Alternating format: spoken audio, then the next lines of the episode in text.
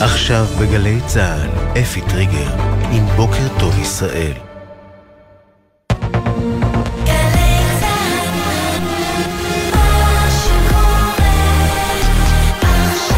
גלי צה"ל, שש בבוקר. בוקר טוב ישראל עם אפי טריגר.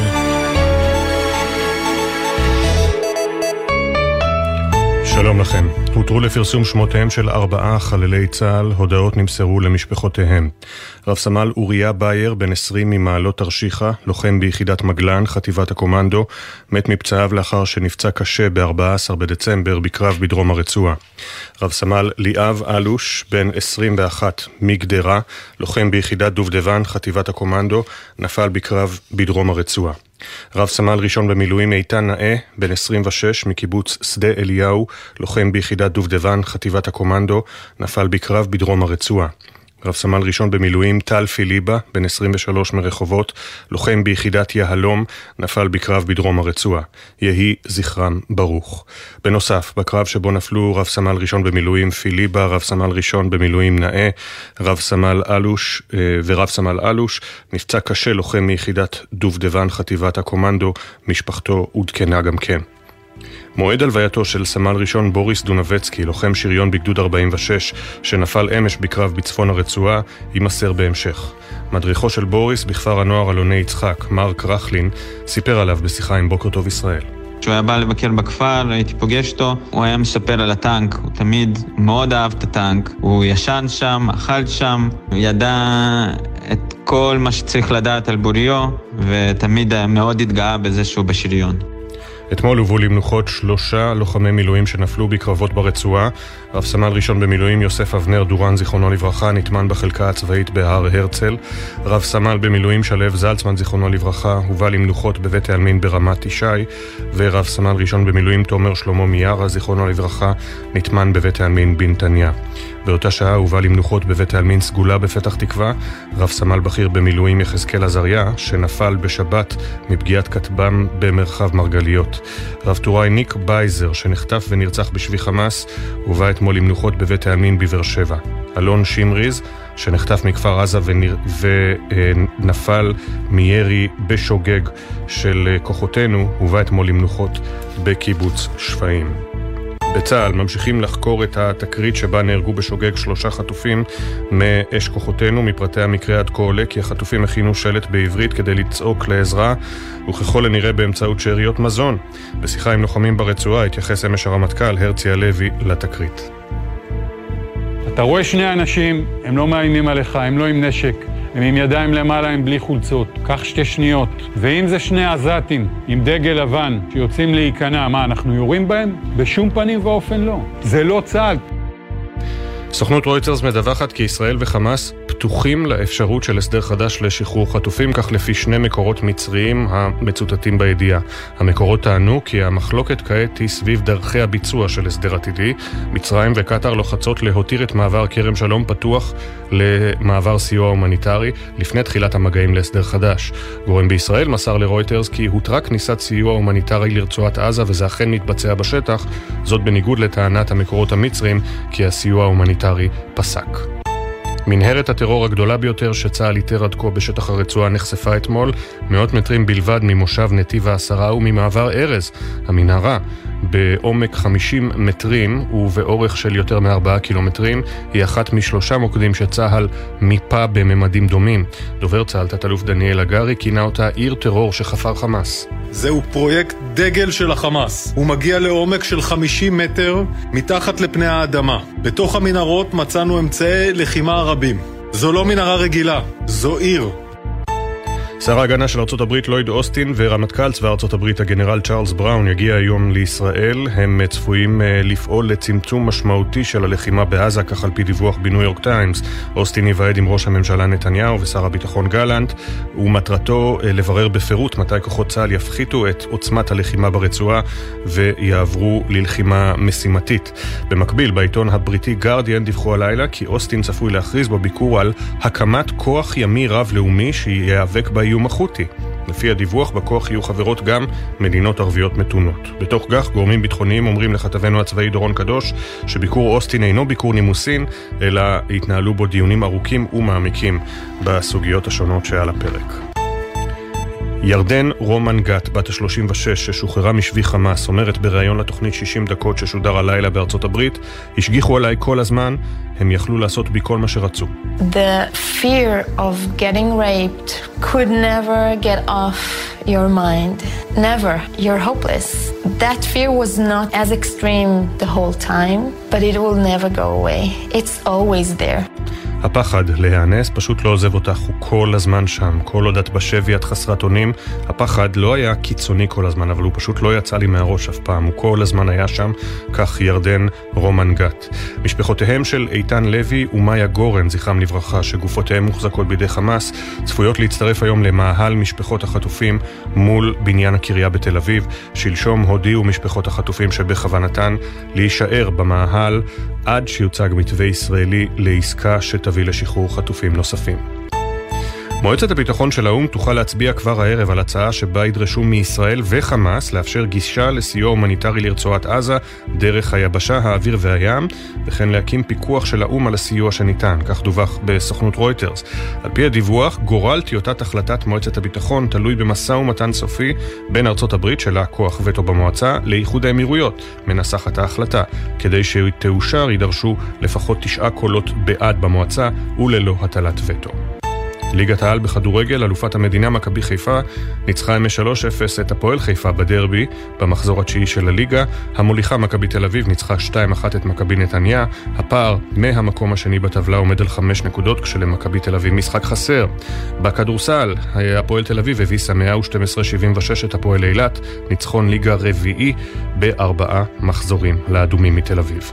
מזג האוויר מעונן חלקית, תחול ירידה קלה בטמפרטורות. בחסות ביטוח 9, ביטוח דיגיטלי המציע למצטרפים חדשים או מחדשים דחייה של חודשיים בתשלומי ביטוח הרכב. איי-די-איי חברה לביטוח, כפוף לתקנון. בחסות אייס, המציע את אייס סייל, אירוע מכירות השנתי במגוון מחלקות. צמיחת חורף פוך יחיד שבמבצע ב-79 שקלים. המבצעים באתר ובסניפים. אייס. בוקר טוב ישראל עם אפי טריגר. שבע דקות וחצי אחרי השעה שש, בוקר טוב ישראל גלי צה"ל, יום שני, 18 בדצמבר 2023, ו' בטבת תשפ"ד. גם הבוקר אנחנו פותחים עם שמות של חללי צה"ל שהותרו לפרסום, הודעות נמסרו למשפחותיהם. דורון קדוש כתבנו לענייני צבא וביטחון, שלום. שלום אפי, כן, הבוקר מותרים לפרסום שמותיהם של ארבעה לוחמי צה"ל שלחמו בתוך שטח רצועת עזה בדרום הרצועה בקרבות באזור ח'אן יונס, ארבעתם לוחמי יחידות מיוחדות שנלחמות כרגע בקרבות הקשים ביותר שמתחוללים בדרום הרצועה, ואלה שמותיהם.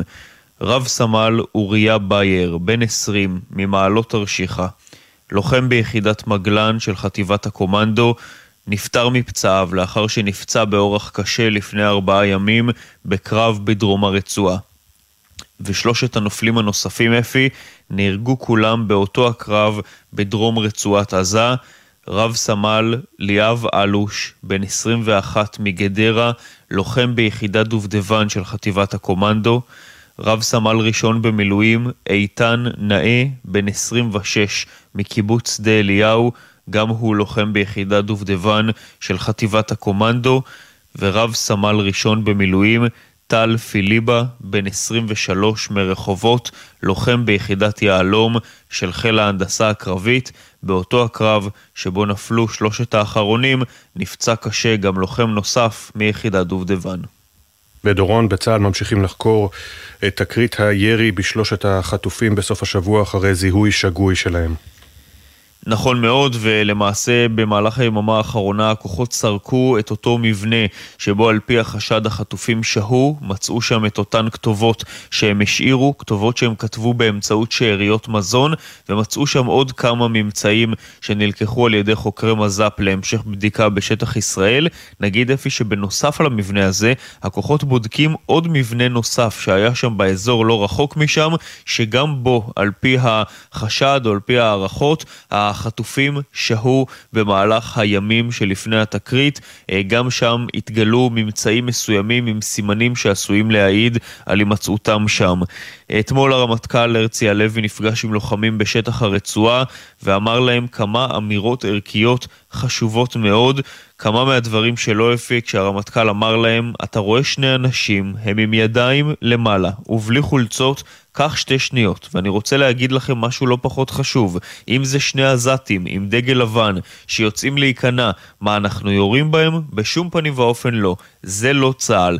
גם מי שנלחם ועכשיו מרים את הנשק ומרים ידיים, אנחנו שובים אותו, אנחנו לא יורים בו, אנחנו לא יורים בהם, כי צה"ל לא יורה בבן אדם שמרים ידיים, זו עוצמה, זו לא חולשה, אלה הדברים החשובים של הרמטכ"ל הלוי ללוחמי צה"ל בתוך הרצועה. תודה, דורון. תודה. ואנחנו כמובן נחזור אל דורון קדוש אה, בהמשך עכשיו כותרות uh, העיתונים במעריב, בידיעות אחרונות, בהארץ ובישראל היום, בכל uh, עיתון uh, במקום אחר, אבל מופיעות כמובן, מופיע כמובן השלט המצמרר, הצילו שלושה חטופים, שנכתב uh, על בד לבן באמצעות שיירי מזון על הקיר כדי לאפשר את חילוצם של אלון שמריז, יותם חיים וסאמר טלאלקה, זיכרונם לברכה. בסופו של דבר הם אה, נורו למוות בידי אה, לוחמי צה"ל בתקרית הקשה שממשיכה להיחקר. נלחמים על החטופים, זו הכותרת הראשית של מעריב. על פי דיווחים בחו"ל, ישראל וחמאס הביעו נכונות להתקדם עם עסקת שחרור נוספת. בירושלים דורשים רשימה מראש, בחמאס רוצים נסיגה של כוחות צה"ל. אימה מתחת לאדמה, ממדי תשתיות הטרור ברצועה נחשפים. הצבא חשף את מנהרת הדגל של חמאס ברצועה, מאות מטרים ספורים מהגבול הישראלי.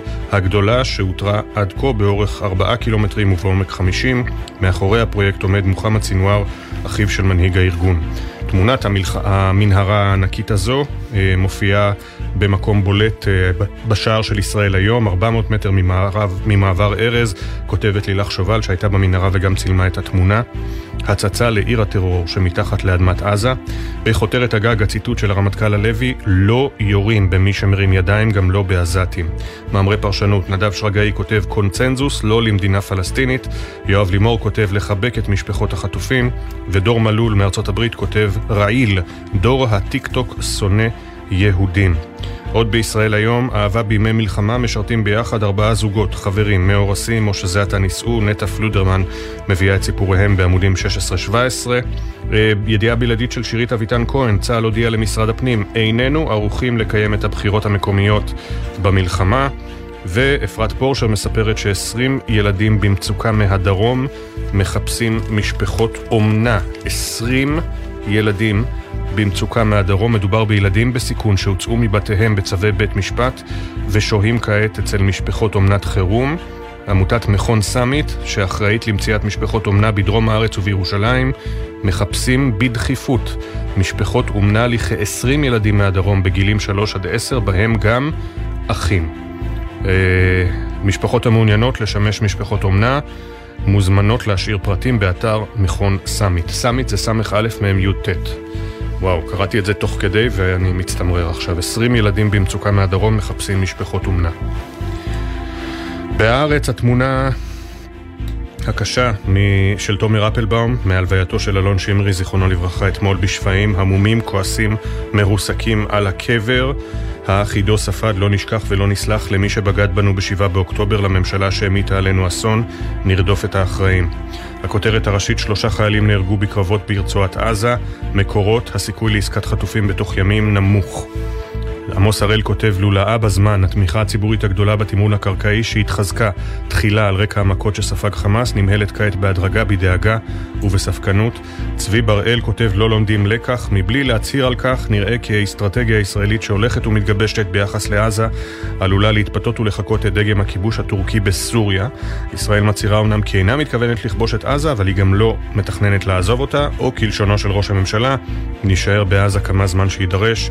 המאמרים המלאים של עמוס הראל וצבי בראל בעמוד שלוש בהארץ. מתחת לקיפול בהארץ, אה, רויטרס ו-AP, כתבה מתורגמת, לבדם בעולם, ברצועת עזה מספרים שמספר היתומים שאיבדו את שני הוריהם במלחמה הולך וגדל, גם נשים הרות מתקשות לקבל סיוע ורבות מהן נותרות לבדן עם התינוק וללא קורת גג. ידיעות אחרונות לא הגיע אלינו הבוקר, אז אנחנו רק עם הצילום של העמוד הראשי. כאן הכותרת הראשית, דיווח, שמעתם אותו גם אצלנו בחדשות של השעה 6. דיווח ברויטרס, נכונות בישראל ובחמאס לעסקה. הכותרת לתמונת המנהרה מתחת לאף.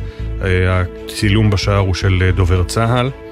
האומץ אה, לחזור, ב-7 באוקטובר הייתה סמל ט' בחמ"ל של בסיס צאלים כשהמחבלים פרצו וטבחו ברבות מחברותיה. היא נפגעה, אך בכוחות בלתי נתפסים עזרה למפקדת פצועה לשרוד, ועוד בזמן האשפוז החליטה שתשוב לבסיס, והנה היא מצולמת במיגונית באורים. אילנה קוריאל מביאה את סיפורה בעמוד 14. עוד בידיעות אחרונות, איך איבדנו אותם. הסקר המדאיג והחזית שהופקרה, מחצית מצעירי ארצות הברית מתנגדים לקיום ישראל. זה בשער של ידיעות uh, אחרונות. ג'רוזלם uh, פוסט, גם כאן התמונה בשער היא מהלוויה של uh, אלון שמריז, תמונה שכואבת של האח על הקבר הטרי, לצידו הזרים. הכותרת הראשית IDF still faces major threats in South Gaza, בפני צה"ל עדיין איומים משמעותיים בדרום עזה. Uh, הלוי warns troops not to shoot at the unarmed. Uh, הרמטכ"ל הלוי מזהיר את החיילים ומדגיש לא לירות בלא חמושים. ציטוט לא מדויק, הוא התכוון לא חמושים שמרימים ידיים כמובן. בחברה החרדית, יום שני זה הבוקר של מרכז העניינים בעריכת uh, חיים פסל, הכותרת הראשית, שיחת תלמידי חכמים. תיעוד של שיח נדיר שהתרחש בתחילת המלחמה ומתפרסם בימים האחרונים. מרן, ראש הישיבה הגאון הרב לנדאו, משיב לקצין שניסה לשכנע את ראש הישיבה להורות לבני הישיבות לסגור חלקית את הישיבות, לסייע בתחומים שונים. מה השיב לו מרן? גם אתה לא יכול לקבוע לבחור ישיבה מה עליו לעשות. המרן אומר לקצין שניסה לשכנע אותו להורות לסגור ישיבות חלקית. כדי לסייע במאמץ של העורף, גם אתה לא יכול לקבוע לבחור ישיבה מה, מה עליו לעשות. זה מפגש שהיה בתחילת המלחמה, אני לא שמעתי עליו עד כה. והתיעוד והכתבה מאת אלימלך בן חיים מופיעים בעמוד 6. הקצין הוא ארז אשל. אני תוהה אם זה ארז אשל המפורסם משנות התשעים או ארז אשל אחר, זה לא שם נדיר כל כך. בכל מקרה אני רואה שעל על, כתפיו דרגות אלוף משנה. ניסה לשכנע. אוקיי, זה במרכז העניינים. אנחנו בהמשך גם נחזור עם כותרות כלכליות ועוד אה, סיפורים שקשורים למלחמה.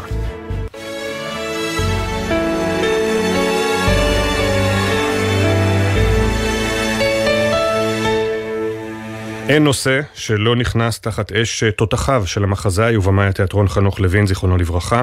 היום, עם ציון 80 שנה להיוולדו, מחזותיו הנוקבים רלוונטיים מתמיד ואף רלוונטיים מדי עבור חלק מהצופים. השאלה איזה מחזה היה כותב לוין על התקופה הנוכחית תישאר פתוחה, אנחנו נותרים עם השירים והפזמונים שממשיכים להדהד 24 שנים לאחר מותו, הכתבה של מאיה קרן. נייר ועיפרון, אולי מכונת כתיבה, לימים מחשב. מילים הן כל שנדרש כדי שהמחזאי והבימאי חנוך לוין יעורר, אולי גם ירגיז, מדינה שלמה. שאיבדתי את נעוריי בדרך מגן הילדים אל המקלט. מחזותיו של לוין הביאו לבמה סיפורים ללא זמן וללא מקום. מצד שני, המציאות נגלתה בהם כל הזמן, וגרמה לקהל לא פעם לנוע באי נחת בכיסאות. הבמאי והשחקן עודד קוטלר חושב שאולי יום הולדתו ה-80 של חברו הוא לא הזמן להציג את המחזות שוב על בימת התיאטרון. הוא אה, לא מרחם על הקורבנות הכתובים שלו.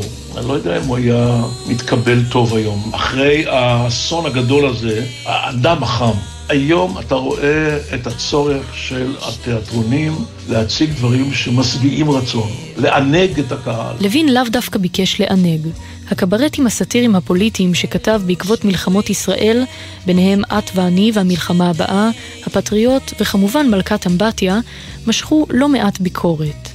סביב מלכת אמבטיה התעוררה סערה גדולה כל כך, עד שירדה מהבמה אחרי הצגות ספורות בלבד, בעקבות דרישת הצנזורה והקהל.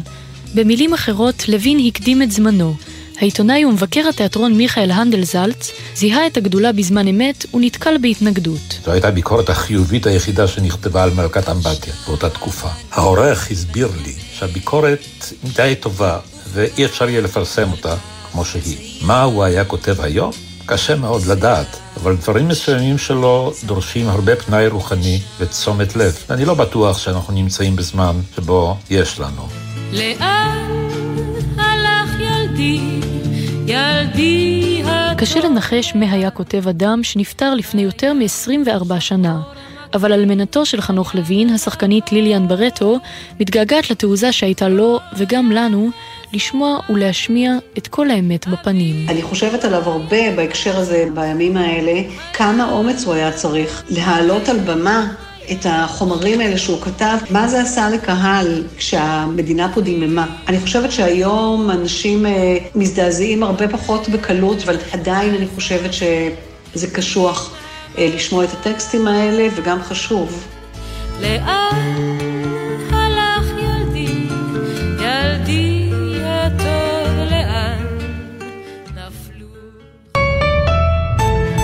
20 דקות וחצי אחרי השעה 6, אה, בוקר טוב ישראל. אה, תכף נחזור לידיעה המעניינת של מרכז העניינים. תודה רבה לכל המאזינים שכותבים לי, כן, זה אכן ארז אשל, אה, ולצעירים שבחבורה, ארז אשל ממאבק הסטודנטים המפורסם של 1998, ולאחר מכן, אם אני לא טועה, גם היה בין מייסדי דור שלם, דורי שלום, אז הוא אלוף משנה במילואים, ותכף נחזור לידיעה המאוד מעניינת הזאת, לא פורסמה לדעתי בשום מקום אחר. עיתונים כלכליים, יום שני זה היום של, מרכ... של גלובס, הגיליון המודפס הראשון של השבוע, כמובן. כמובן.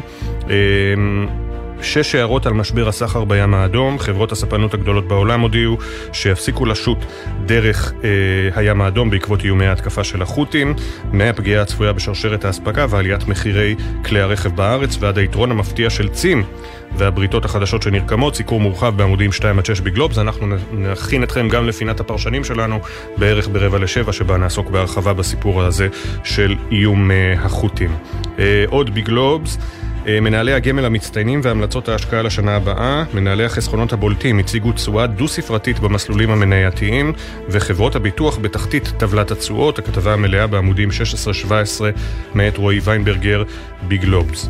בדה מרקר, רשות ניירות הערך נגד כחלון, חשד למרמה והפרת אמונים בתאגיד, מדווח מיכאל רוכברגר. שר האוצר לשעבר משה כחלון כיהן שנה כיושב ראש חברת האשראי החוץ-בנקאי יונט קרדיט שקרסה.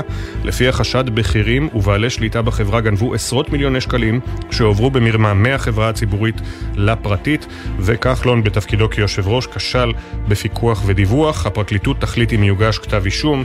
כחלון בתגובה אני סמוך ובטוח שהתיק ייסגר, הידיעה המלאה. בעמוד 6 בדה מרקר. נתי טוקר מדווח על ביטול הרפורמה בחקלאות, הממשלה בדרך למחוק הישג משמעותי של הממשלה הקודמת במאבק להפחתת יוקר המחיה. ועוד בדה מרקר, בשער האחורי, סופו של הקניון הווירטואלי, הכישלון של עזריאלי דוט קום אינו נעוץ רק בשוק הלא מפותח, אלא גם בשגיאות של הקבוצה. עם שווי של 28 מיליארד שקל, לעזריאלי קל להודות בהפסד של 360 מיליון שקל. לאחר שבע שנים של פעילות, חברת עזריאלי הודיעה על סגירת האתר, הקניון הווירטואלי, עזריאלי.קום. החברה טענו כי הסחר המקוון האינטרנטי בישראל לא מספיק מפותח כדי לאפשר את המשך קיומו של המיזם, אבל אי אפשר לתלות את הכישלון שלה רק בכך, כותב עמרי זרחוביץ'. סיבות נוספות הן המודל העסקי שנבחר, הפעילות הלא מוכרת והחשש מתחרות עם הקניונים הפיזיים של הקבוצה. אה, כלכליסט גם לא הגיע אלינו, אז אני מסתמך על, הש... על צילום השער. אה, בידיעה, בכותרת הראשית, גולן חזני מדווח אה, בלעדית אה, גיוסי הון, תוכנית התייעלות ומימושים. קרפור מעמידה למכירה את סניפי הרשת החרדית. בימים האחרונים פנתה קרפור אה, ישראל, שבשליטת אלקטרה צריכה לכמה גורמים בשוק הקמעונאות, והציעה להם להיכנס למשא ומתן על רכישת תת הרשת החרדית שוק מהדרין. בין השיקולים למכירת הרשת, צרכים תזרימיים להמשך הסבת סניפי יינות ביטן לסניפי קרפור, והצורך בכשרות המחמירה שלא תואמת את יבוא מוצרי הרשת הצרפתית. כך בכלכליסט. אה, עוד בכלכליסט, הנה אני מחפש עוד ידיעה אם אני מצליח לקרוא פה מהצילום. אוקיי, אני לא מצליח. Uh, עכשיו נחזור uh, לאור ההתעניינות הרבה אל מרכז העניינים, כאמור מה שדווח בשער uh, ומופיע בכותרת בעמוד 6, שיחת תלמידי חכמים. אז כאמור, אני חוזר שוב על הדברים, ארז אשל, אכן, אלוף משנה במילואים ארז אשל, פה חובש כיפה, אכן ארז אשל ממאבק הסטודנטים של 98, רגע אני אקח כיח בגרון. וכך מדווח אלימלך בן חיים במרכז העניינים. לא מעט ניתן ללמוד משיחתם של גדולי ישראל, ומפני שתורה היא וללמוד אנו צריכים, חובתנו גם להפנים את המסר. היה זה בתחילת המלחמה, כאשר עלה לביתו של מרן ראש הישיבה הגאון הרב דוב לנדו, הקצין ארז אשל, כשהוא כואב על אובדן חיילים רבים, בעקבות פתיחת מתקפת הפתע הרצחנית של חמאס על הדרום, וניסה לטעון את דבריו, וזאת לאחר שנכנס לישיבות, ודרש מהבחורים להתגייס. לאחר שהומלץ לו להעלות את ביתו של רבן של ישראל, מרן ראש הישיבה לנדו, ולמרות ניסוחו, הגיב לו ראש הישיבה את דעת התורה בענייניות. וכך מרן הרב לנדו ישב במשך דקות ארוכות עם הקצין ארז אשל והסביר לו מהי העמדה החרדית והאם מדובר עכשיו במלחמת מצווה. בתיעוד שהתפרסם באחרונה מהשיח נשמע אומר מרן ראש הישיבה כי מה שהכי מטריד אותו זה מצב החטופים. הוא דואג להם יומם ולילה. אני מאחל שהשם יציל אותך במלחמה, יציל את כל עם ישראל, יציל את השבויים, שזה מדאיג אותי יותר מהכל השבויים, מי יודע מה עושים להם. אשל עונה לו דברים רעים מאוד. מרן ראש הישיבה אומר, יש הרבה דמיונות, אולי זה מציל, אולי זה מציל. יש שם אישה שילדה, ילדים, תינוקות, מי יודע מה הרשעים האלה האכזריים שבאומות. אשל עונה לו, מאז הגרמנים לא היו דברים כאלה. מרן ראש הישיבה לנדאו, אז צריך להתפלל עליכם ועל כולנו, שהשם יגן עלינו, ובזכות הלימוד התורה ננצל.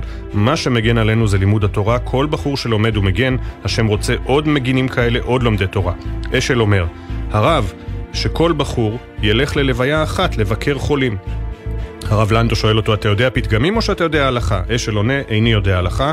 הרב עונה, כמו שאני לא אגיד לרופא בענייני רפואה, ואני לא אגיד לפיזיקאי בענייני פיזיקה, כך גם אתה לא יכול לקבוע לבחור ישיבה מה עליו לעשות. אשל עונה, ראש הישיבה, אני יכול לבקש שכל בחור ילך לבקר פצוע אחד או ילך ללוויה אחת? ראש הישיבה משיב לו, בחור יש לו נפש עדינה. אם הוא ילך לראות פצועים, זה יפריע לו אחר כך בלימוד התורה, יהיה לו קשה לחיות אחר כך. והכתבה ממשיכה, אני מצטער, אני לוקח מפה את החלק האופטימי של ארז זה, של האלוף משנה במילואים, אה, הרב לנדו בתמונה הזו שצולמה, והשיח, אה, שאולי לא הגיעו להסכמה, אבל השיח המכבד בין שניהם, וכאמור, הסיפור הזה מופיע במרכז העניינים. אה, השבועון שמאזיננו הקבועים מכירים, כי מדי יום שני אנחנו מסתכלים אה, עליו, שבועון חרדי של החברה החרדית. אה, בעיתונים... הבריטים, גם בדיילי טלגרף וגם בסנדיי טיימס, מופיעות היום תמונות מנהרת הענק שחשף צה"ל בכותרת הראשית, אבל יש גם התבטאות מעניינת ומדאיגה של שר ההגנה לשעבר של בריטניה, בן וואלאס. בריאיון לדיילי טלגרף הוא אומר Israel risks breaking law with its killing rage. הוא בעצם מאשים את ישראל שהיא אה, הורגת פלסטינים מתוך זעם, הפצצות ללא הבחנה, אבל killing rage זה כאמור אה, הריגה מתוך זעם. הוא לשעבר שר ההגנה והוא מזהיר את ישראל שהטקטיקות שלה אה, עלולות לה, לתדלק את הקונפליקט, את העימות באזור לעוד 50 אה, שנה. אה, ואנחנו גם אה, לפני אה, שנצא להודעות נעדכן אתכם על תקרית שלא קרה בה כלום בסופו של דבר לנשיא הברית ג'ו ביידן, אבל היא מצטלמת מאוד יפה במהלך ביקור במטה הבחירות אה, של ביידן בווילמינגטון שבדלאוור. שיירת הנשיא חנתה. פתאום הגיעה מכונית פרטית והתנגשה באחד מרכבי השיירה המשוריינים. אה, הנשיא לא היה בפנים, הוא, אה, היה, הוא בדיוק עזב את המטה, אז יש אפילו צילום שלו עושה כזה פרצוף. אה, אבל הוא בסדר, גם הוא וגם רעייתו, והנזק הוא רק למכונית, על פי כל המסתמן זה היה בשוגג, לא היה, לא היה פה אירוע מכוון, בכל מקרה לא קרה כלום לנשיא ארצות הברית, אבל האירוע הזה מצולם מכל הכיוונים. אנחנו יוצאים להפסקה קצרה של פחות מדקה. אה, ואחריה אנחנו עם עדכון החצי אה, וגם פינת אה, מאחורי השמות שלנו, וכאמור בפינת הפרשנים נדבר על ההשפעות של האיום החותי והפסקת השיט דרך הים האדום על הכלכלה בארץ ובחו"ל. כבר חוזרים.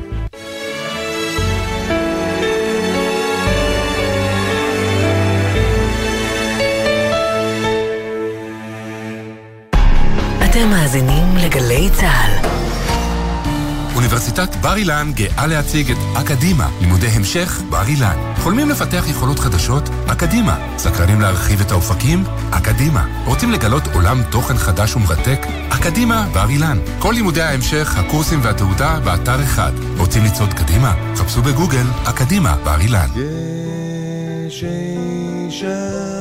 מעבר לזה שקיבלתם את העדויות שראו אותו עם האנשים שהשתחררו, הוא גם מסר מסר אישי? הוא ביקש לשנן את הטלפון שלי, שהוא חשב שהוא יצטרך להתקשר אליי כשהוא יוצא. עד כדי כך הם לא מבינים שאנחנו הופכים פה את העולם בשביל להוציא אותם, הם לא מבינים למה לא הוצאנו אותם כבר. ולכן אם זה במקרה איכשהו מגיע אליו, חשוב לי למסור שידע שאימא בסדר והיא איתנו והוא הציל אותה, הוא הציל אותה. גלי צה"ל, פה איתכם, בכל מקום, בכל זמן. עכשיו בגלי צה"ל, אפי טריגר, עם בוקר טוב ישראל. שש ושלושים הכותרות. הבוקר הותרו לפרסום שמותיהם של ארבעה חללי צה"ל, משפחותיהם עודכנו. רב סמל אוריה בייר, בן 20, ממעלות תרשיחא, לוחם ביחידת מגלן, חטיבת הקומנדו, מת מפצעיו לאחר שנפצע קשה ב-14 בדצמבר בקרב בדרום רצועת עזה. בקרב נוסף בדרום הרצועה נפל רב סמל ראשון במילואים טל פיליבה, בן 23 מרחובות, לוחם ביחידת יהלום של חן להנדסה הקרבית, ושני לוחמי דובדבן בחטיבת הקומנדו נפלו רב סמל ליאב אלוש, בן 21 מגדרה, ורב סמל ראשון במילואים איתן נאה, בן 26 מקיבוץ שדה אליהו, יהי זכרם ברוך. בקרב שבו נפלו שלושת הלוחמים נפצע קשה לוחם מיחידת דובדבן ומשפחתו עודכנה. מועד הלווייתו של סמל ראשון בוריס דונבצקי, לוחם שריון בגדוד 46, שנפל אמש בקרב בצפון הרצועה יימסר בהמשך.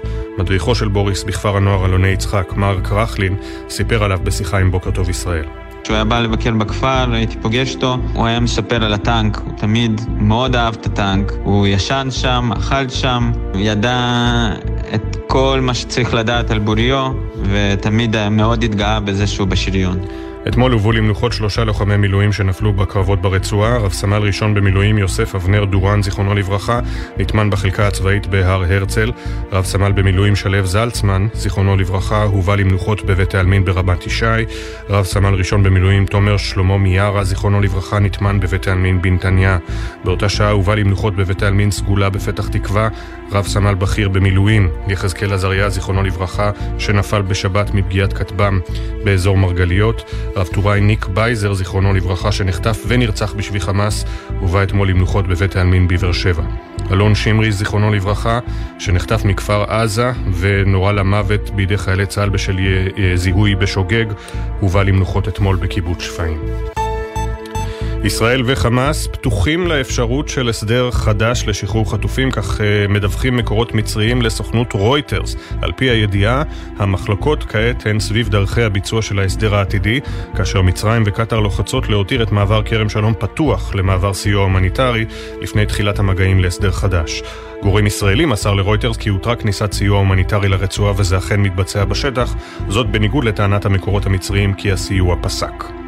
שר ההגנה של ארצות הברית לויד אוסטין ורמטכ"ל צבא ארצות הברית הגנרל צ'ארלס בראון יגיעו היום לביקור בארץ וצפויים לפעול לצמצום משמעותי של הלחימה בעזה, כך לפי דיווח בניו יורק טיימס. אוסטין ייוועד עם ראש הממשלה נתניהו ושר הביטחון גלנט וצפוי לבקש פירוט לגבי אה, תזמון, אה, תזמון פעולת כוחות צה"ל ומתי יפחיתו את עצימות הלחימה ברצועה.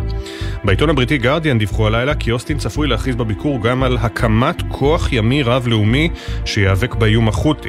לפי הדיווח, בכוח יהיו חברות גם מדינות ערביות מתונות. בתוך כך, גורמים ביטחוניים אומרים לכתבנו הצבאי דורון קדוש, ביקור אוסטין אינו ביקור נימוסים. יהיו בו דיונים ארוכים ומעמיקים בסוגיות השונות שעל הפרק.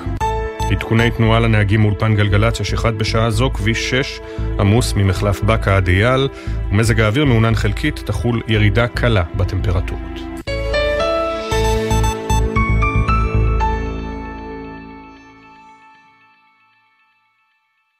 כמעט 6.34, בוקר טוב ישראל, מאז השבעה באוקטובר, תושבי העוטף לא גרים בבתיהם. אה, מה שהחל בפינוי, אולי התרעננות אחרי הטבח, הפך למציאות יומיומית ללא תאריך סיום. שהייה בבית מלון באילת, אירוח בקיבוץ בערבה. בינתיים הממדים של האסון נחשפו לאט לאט, והתושבים כבר הבינו, יחלוף זמן רב עד שיוכלו לחזור אל חבל הארץ האהוב עליהם כל כך. מטה משל"ט אופק חדש לשיקום העוטף במשרד הביטחון החל לפעול בתשעה באוקטובר כדי לתת לתושבים אפשרות לחזור הביתה כמה שיותר מהר, ואנחנו מדברים עם אלוף משנה במילואים אבי כהן, ראש מטה משל"ט אופק חדש לשיקום העוטף במשרד הביטחון. שלום לך. שלום.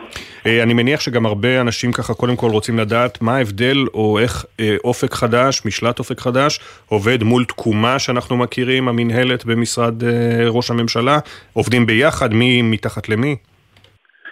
אה, בטח. אנחנו הוקמנו, ב, כמו שאמרת, ב-9 באוקטובר. בהתחלה היינו לבד בשטח, הוקמנו על ידי שר הביטחון ומנכ"ל משרד הביטחון כדי לטפל בהחזרת היישובים בצד האזרחי. אה, כשהוקם, אה, הוקמה מנהלת תקומה, אנחנו בעצם הצטרפנו בתוך מנהלת תקומה. אנחנו משרד הביטחון בתוך מנהלת תקומה. אנחנו המשל"ט שמדבר, מטפל בשני צירים מרכזיים. קודם כל בכאן ובעכשיו. היות ומנהלת תקומה, אנחנו משתדלים לפנות אותם, לטפל בדברים הגדולים יותר והארוכי טווח יותר והחזקים יותר. דבר שני, אנחנו עוסקים בכל הכנת התשתיות של הסקרים ואיסוף הנתונים והכנת התוכניות כדי שבעצם אה, מנהלת תקומה תוכל על בסיס זה אה, לתת את כל מה שצריך ולבצע את כל התוכניות, אבל אנחנו לחלוטין כפופים למנהלת תקומה ועובדים כחלק ממנו. אוקיי, okay. אז uh, בעצם העבודה שלכם, איך היית, אם uh, היינו, אתה יודע עכשיו, בעצם אנחנו בצה"ל, במובנו הרחב, מתחלקת למה? לכמה חלקים? מה, מה המטרה העיקרית? בעצם מנכ"ל משרד הביטחון ושר הביטחון הבינו בימים הראשונים שצריך גוף ביצועי שיודע לעבוד בתוך שטח לחימה, כי האזור כולו היה שטח לחימה. אבל יודע לטפל בכל המרכיבים האזרחיים ללא שום אה, מגבלות וללא שום חסמים. אה, בימים הראשונים עסקנו מללוות אה, תושבים ברכבים ממוגנים, להכניס אותם להוציא כרטיס אשראי מהבית וארנק שלא היה להם, ועד שיקום תשתיות, טיפול בנזקים, נזקי חשמל, קצרים, סיכונים, פיצוצי מים, ביוב, כל דבר שתיגע בו בעצם בתוך יישובי העוטף. ולאט לאט, אתה יודע, משרדי הממשלה לאט לאט מתחברים לתוך הדברים ולוקחים אחריות כל אחד על הדברים שלו. היום אנחנו יותר עוסקים במרכיבי ביטחון, בחיזוק ובבנייה חדשה של מרכיבי ביטחון. אה, כמעט סיימנו ביישובים את הדברים הבסיסיים, אתה יודע, מהחזרה של גדר שנקראה או פוצצה ושער שהיה מקולקל ובודקה או החזרה של ציוד לכיתות הכוננות, כל הדברים האלה, אנחנו ממש בקווה, כבר כמעט בסוף של החזרה של הדברים האלה. והיום אה, מרוכזים בעיקר בהכנת התשתית של הסקרים המקצועיים עם כל הגופים המקצועיים, ממס רכוש ועד אה, להפעיל את אה, אגף ההנדסה והבינוי של משרד הביטחון כדי לייצר תמונת מצב מאוד מדויקת ו... כתבי כמויות והכל, כדי שנוכל ביחד אה, עם תקומה, או בעצם ברשות תקומה, להציג את התמונת מצב של הנזק ולסדר את התוכנית של הטיפול והשיקום. וראינו באמת, אנחנו היינו צוות בוקר טוב ישראל לפני כשבועיים בבארי, אה, ואחרי השידור של המיוחד שלנו משם גם אה, סיירנו יחד עם חיים ילין, וראינו גם את האנשים שלכם, גם את אנשי מס רכוש, ככה כותבים, מוודאים, מסתובבים כל הזמן. Uh, הנזק הוא באמת בלתי נתפס ברבים מהיישובים, אבל זה נכנס לפרטים הקטנים ביותר, נכון? Uh, מה, איפה, למי היו לולים, איפה נהרגו התרנגולות, uh, מה הריהוט, ציוד. המשימה שלנו, קודם כל בצד אחד היא השבת החיים לעוטף. ופה עסקנו המון בחקלאות בימים הראשונים, מחקלאות של משק חי שהייתה צריכה מענה, אה, אתה יודע, לדאוג שהמשאית של אה, מועצת החלב מגיעה לאסוף את החלב ולבטל את המכסות וסיוע לרפתות ולאנשים שעובדים ברפתות, אה, חשמל, מיגוניות, כל מה שצריך. לאט לאט זה עבר גם לגד"שים ולחקלאות היותר רחבה, לפני שלושה וחצי שבועות התחלנו מבצע זריעה גדול, הרבה עבודה מול צה"ל ותאומים כדי שהחקלאים יוכלו לעבוד בכל מקום. בהתחלה היה שטף של מתנדבים וכל מיני דברים כאלה שסייענו בתזמון ובתיאום שלהם, אבל אחרי החקלאות זה התעשייה. בעצם בשבוע הראשון הגדרנו בהחלטת ממשלה שכל המפעלים החיוניים בעוטף, כל המפעלים בעוטף הם חיוניים, סיפקנו להם מיגוניות וכל מה שצריך כדי שהכל יחזור לעבוד. וככל שאתה מתקדם בהשבת החיים, אתה מייצר, עכשיו עוסקים הרבה סביב החינוך ולאפשר את החינוך, אבל אנחנו בעיקר רצים בציר של כל מה שאפשר כדי לאפשר. זו המשימה בציר הזה. היו הרבה דברים בהתחלה שקשורים לקהילות, ולאט לאט, אתה יודע, המשרדים האחרים לקחו כל אחד, והיום אנחנו פחות עוסקים בקהילות, כל, אחד, כל קהילה יושבת במיקום שלה, אנחנו יותר עוסקים בתשתיות הפיזיות ביישובים עצמם. כן. הייתה סערה גדולה בסוף השבוע כשמסמך שהוגדר על ידי דובר צה"ל בסוף כטיוטה הועברה לראשי היישובים על אה, תחילת ההכנות לחזור ל, ליישובים, מה אתה יכול לספר לנו על זה? אני לא, לא בקיא בתהליכים אה, של המסמכים, אני מעריך שזה אה, מסמך פנימי או איזושהי עבודת מטה. כרגע אין שינוי בהגדרות, וההגדרות הן מאוד ברורות. אה, שר הביטחון הגדיר גם סדרי עדיפויות וגם איך תיראה ההתחלה של ההשבה והגדיר את המיקוד. אנחנו עובדים תחת הדברים האלה. יש המון שיח פנימי, המון עבודות מטה, המון פעילות שאנחנו מנסים. כדי לעשות כמה שיותר בהקשר הזה של השבה. אנחנו כמשל"ט לא עוסקים בצד הביטחוני-צבאי, זה בעצם צה"ל מחליט, אני לא שותף להחלטות האלה. כמובן. מה אתה חשוב לך שהתושבים שעדיין נמצאים כמובן, ב, נקרא לזה, בגלות בארצם, ידעו הבוקר? קודם כל שידעו שאנחנו הופכים כל אבן ועובדים במרץ רב כדי לאפשר להם שהיישובים יהיו הכי שאפשר כדי שהם יוכלו לחזור. כל זה ללא קשר לכל השיח שקורה לגבי כל חבל תקומה והדברים האחרים. אנחנו קמים כל בוקר עם עשרות צוותים ואנשים ועושים כל מה שאפשר ביישובים כדי שהיישובים לפחות יהיו אה, במצבם אה, הקודם מבחינת הכשירות ומבחינת המוכנות והכנה של צירים ותוספת מרכיבי ביטחון והצטיידות לכיתות הכוננות שהתחלנו לפני שבוע וחצי עם אה, ציוד חדש וציוד מתקדם כל מה שאפשר כדי שהם יוכלו לקבל את ההחלטה מתי שהם יראו לנכון. בסוף הגישה היא גישה מאוד uh, שאנחנו נשתדל ונאפשר, ובסוף ההחלטה היא החלטה שלהם. Mm-hmm. כל יישוב יצטרך להחליט בהתאם לתמונת המצב שהוא קורא אותה, ולהבנתו את האופציות ואת היכולות, וגם את אה, הבנתו את אה, מרכיבי הביטחון ומה שנמצא. אלוף משנה במילואים אבי כהן, ראש מטה משלט אופק חדש לשיקום העוטף במשרד הביטחון, תודה רבה שדיברת איתנו, שיהיה לכם בהצלחה. תודה. יוסף אבנר דורן התקשר לכל לובש מדים שהכיר כשפרצה המלחמה וביקש להצטרף ללחימה בעומק האויב. תומר שלמה מיארה היה הדבק של המחלקה, כזה שאפשר לשבת ולצחוק איתו. יחזקאל עזריה התעקש להתנדב לשירות המילואים גם בגיל 50. ניק בייזר תמיד ידע לומר את הדבר הנכון ולתת את החיבוק הכי טוב. שלו זלצמן אמור היה להתחיל לימודים אקדמיים. אלון שמריז היה מנהיג באופיו. אתמול הם הובאו למנוחות. הכתבה של יוני זילברמן. לפני כמה ימים הוא אמר לאחותו שאם הוא ייקבר, הוא ירצה שנריץ עליו בצחוקים. המקום האחרון שהייתי חושב שהוא ימות זה בקרב. רב סמל ראשון במילואים, יוסף אבנר דורן, בן 26 מירושלים, נפל בקרב בצפון רצועת עזה ביום שבת. יוסף עלה ארצה מצרפת ושירת כלוחם איסוף בשייטת 13 וביחידה לניוד מבצעי. אתמול הובא למנוחות בהר הרצל חברו עמנואל ספדלו. אמרת שאתם תיכנסו בקרוב לעזה. היית נשמע כאילו מינימום זכית בלוטו. אפשר רק לקוות למצוא חבר כמוך, אבל אין שוב כמוך. יוסף שעשה הכל ללא גבולות עד הסוף, הותיר אחריו אלמנה, שני אחים וזוג הורים. בבית העלמין הצבאי בנתניה ליוו מאות אנשים בדרכו האחרונה את רב סמל ראשון במילואים תומר שלמה מיארה, בן 28, לוחם בגדוד ההנדסה 710 שנפל ביום שישי בצפון הרצועה. אחיו אביחי סיפר על האדם האמיץ שהיה.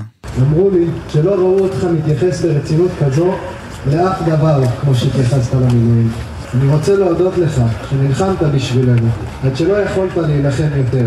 למרות כל הפחד, הדאגות והעייפות, לחמת בגבורה. תודה לך.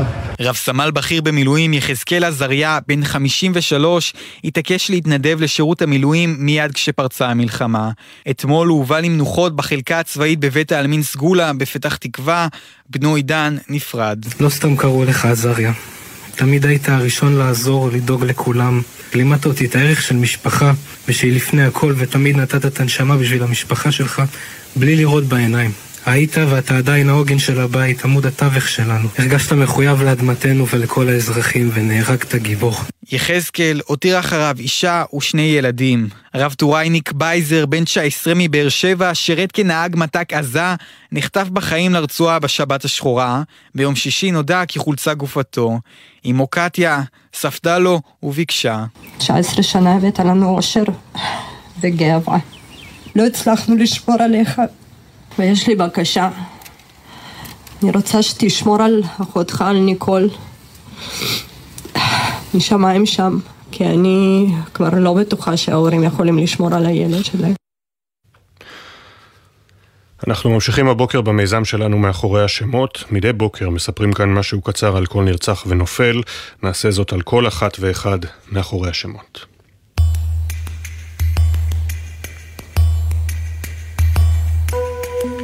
ליאם בור גלאון, בן 26 מדימונה, נרצח במסיבה ברעים. ליאם עמד להפוך למעשה וחלם לרפא אנשים.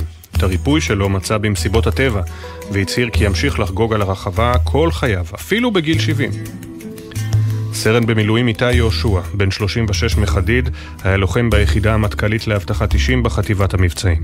איתי, איש משפחה מסור, עלה על מטוס לקצה השני של העולם, רק כדי לוודא שאחיו בסדר, ואנחנו מניחים שבזמן המסע התנגנו באוזניות שירים של טיילור סוויפט. אבי דדון, בן 44 מעפולה, נרצח במסיבה ברעים לאחר שהציל את חייהן של שתי נשים. אבי אהב יותר מכל מים, ולא החמיץ אף הזדמנות לשחות בבריכה, בייחוד בשבתות עם הילדים. חנני גלאזר, בן 23 מפתח תקווה, נרצח במסיבה ברעים. אף שחצה את האוקיינוס לפני שש שנים ועלה ארצה מברזיל, חנני שמר אמונים לקבוצת הכדורגל שההד בסאו פאולו, קורינטיאנס. רב סמל ראשון במילואים צביקה לביא, בן 30 מעלי, היה לוחם בגדוד 699 בעוצבת חיצי האש, נפטר מפצעיו לאחר שנפצע בקרבות בצפון הרצועה. צביקה היה עובד סוציאלי בכל רמ"ח איבריו, ואף פעם לא שחרר את החיבוק משלושת ילדיו, עד שביקשו בעצמם. הוא שנא ירקות, הוא שנא במיוחד ריח של בננה, ויכול היה לחיות רק על חלה ובורקס. אנטון גוריונוב, בן 37, נרצח במסיבה ברעים. לא היה בית בצפת שלא זכה לטיפולו המסור של אנטון, המשפץ עם ידי הזהב ולב הזהב, שהתחבר לכל מי שפגש. אלוף משנה אסף חממי, בן 41 מקריית אונו, היה מפקד החטיבה הדרומית, נפל בשבת השחורה וגופתו מוחזקת בידי חמאס. אסף הקדיש את חייו להגנה על יישובי העוטף. הוא תמיד ראה את האנשים מאחורי המשימה הצבאית, וגם נהג לאכול עם התושבים קובה כל יום שישי. זיו חג'בי מתל אביב, נרצח במסיבה ברעים. זיו אף פעם לא השקיע את כספו בטלפון חדש או מכונית, אלא בצבירת חוויות לא שגרתיות. לרוב בפסטיבלים ברחבי העולם. הוא ידע לדבר ערבית מצרית שוטפת, וחלם לבקר במצרים את חברו הטוב, שלימד אותו ערבית, וללמד אותו בתמורה עברית. רב סמל מתקדם במילואים איתי פרי, בן 36 ממודיעין, היה קשר פלוגתי בגדוד 8111 בחטיבה 5, נפל בקרבות ברצועה. איתי היה מהנדס מצליח, שעזב את עבודתו כדי להגשים את עצמו בקריירה החשובה באמת, המשפחה.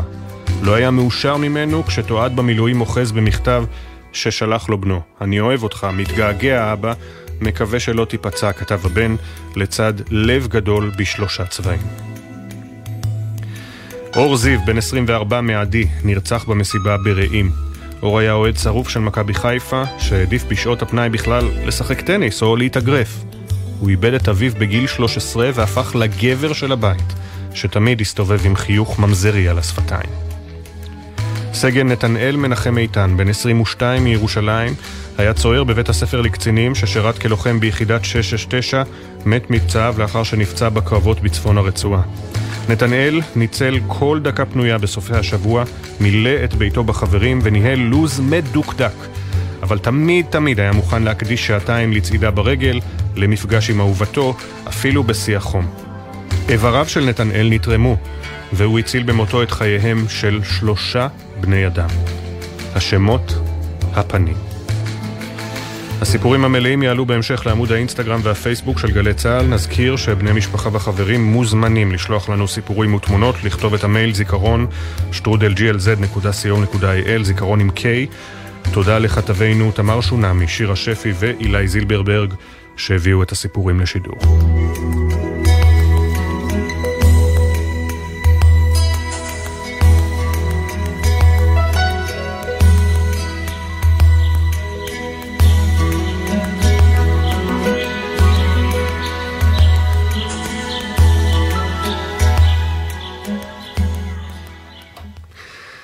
אנחנו בפינת הפרשנים שלנו הבוקר, בעקבות ההודעה של ענקיות השינוע הימי על הפסקת השיט דרך אה, הים האדום, איך זה משפיע, כלומר קל מאוד להגיד, המחירים יעלו, אבל אנחנו רוצים להרחיב על זה קצת. איתנו הפרופסור אליס ברזיס, ראשת מרכז עזריאלי למדיניות כלכלית, אוניברסיטת בר אילן, שלום לך. בוקר טוב. בוקר טוב. ורב חובל יגאל מאור, לשעבר מנהל רשות הספנות והנמלים, והיום חוקר במכון למחקרי ביטחון לאומי, שלום לך. בוקר מצוין. רב חובל יגאל מאור, אה, מה המשמעות באמת אה, בכיס שלנו או מעבר לכך של הפסקת השיט דרך הים האדום? אה, המשמעות אני חושב היא לא משמעותית כי מדובר על תוספת אומנם שעלולה, למרות שאני לא קורא אותה מתממשת כל כך מהר או מחזיקה מעמד של עלייה בדמי ההובלה הימית, אבל גם כשאנחנו מתרגמים את תוספת העלות הזאת, אה, דהיינו, ובואו נגזים באלף דולר למקולה לאונייה שסובבת את אפריקה, כשאנחנו בוחנים את ההשפעה לכל מוצר בתוך המכולה, אה, דהיינו אה, לעשרת אלפים חולצות אנחנו מדברים על תוספת של 30 אגורות לחולצה. ל-500 מכשירי טלוויזיה אנחנו מדברים על 7 שקלים למכשיר טלוויזיה, ככה שההשפעה הזאת לא אמורה להיות, אלא אם כן אה, הרעש מסביב אה, ינוצל על ידי כל מיני גורמים בתוך אותה אה, שרשרת אספקה להתייקרויות שאין להם, שאין להם בסיס. אז אצלנו בארץ אתה אומר זה לא תהיה השפעה כל כך אה, גדולה מבחינת הנזק הישיר של התארכות הנתיב.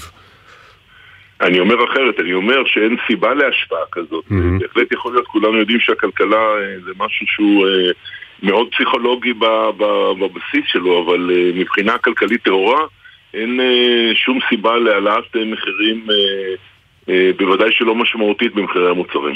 פרופסור אליס ברזיס, מה לגבי העולם? זהו, יש לזה אפקט מכריע על כלכלת העולם ובמיוחד על מה שקורה. צריך להבין, אני מזכירה לכם שב-2021, במשך שישה ימים, סגרו את תעלת סואץ בגלל שאונייה נתקעה שם, והבינו שזה ממש משפיע על הסחר. פה ישנם חוטים שכרגע משפיעים על כל העולם, על כך שאולי הסחר הבינלאומי ישתנה.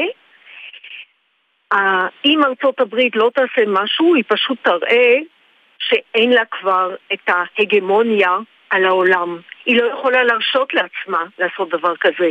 לכן מה שיקרה בימים הבאים, או, שאנחנו, או שהם אה, מוצאים דרך להסכם אה, מדיני, פתרון מדיני, אם לא, זה יהיה פתרון צבאי.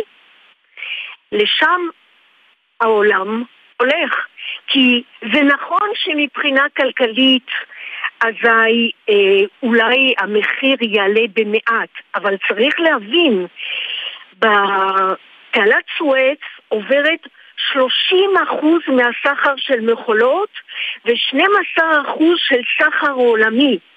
וגם ביש מזל, ישנה כרגע בעיה גם בתעלת פנמה, mm-hmm. בגלל שיש חוסר מים. אז אנחנו נמצאים בנקודה שתעלת פנמה בסכנה, ומצד שני תעלת סואץ בסכנה בגלל בעיות של אה, חוטים שרוצים להראות את הכוח שלהם.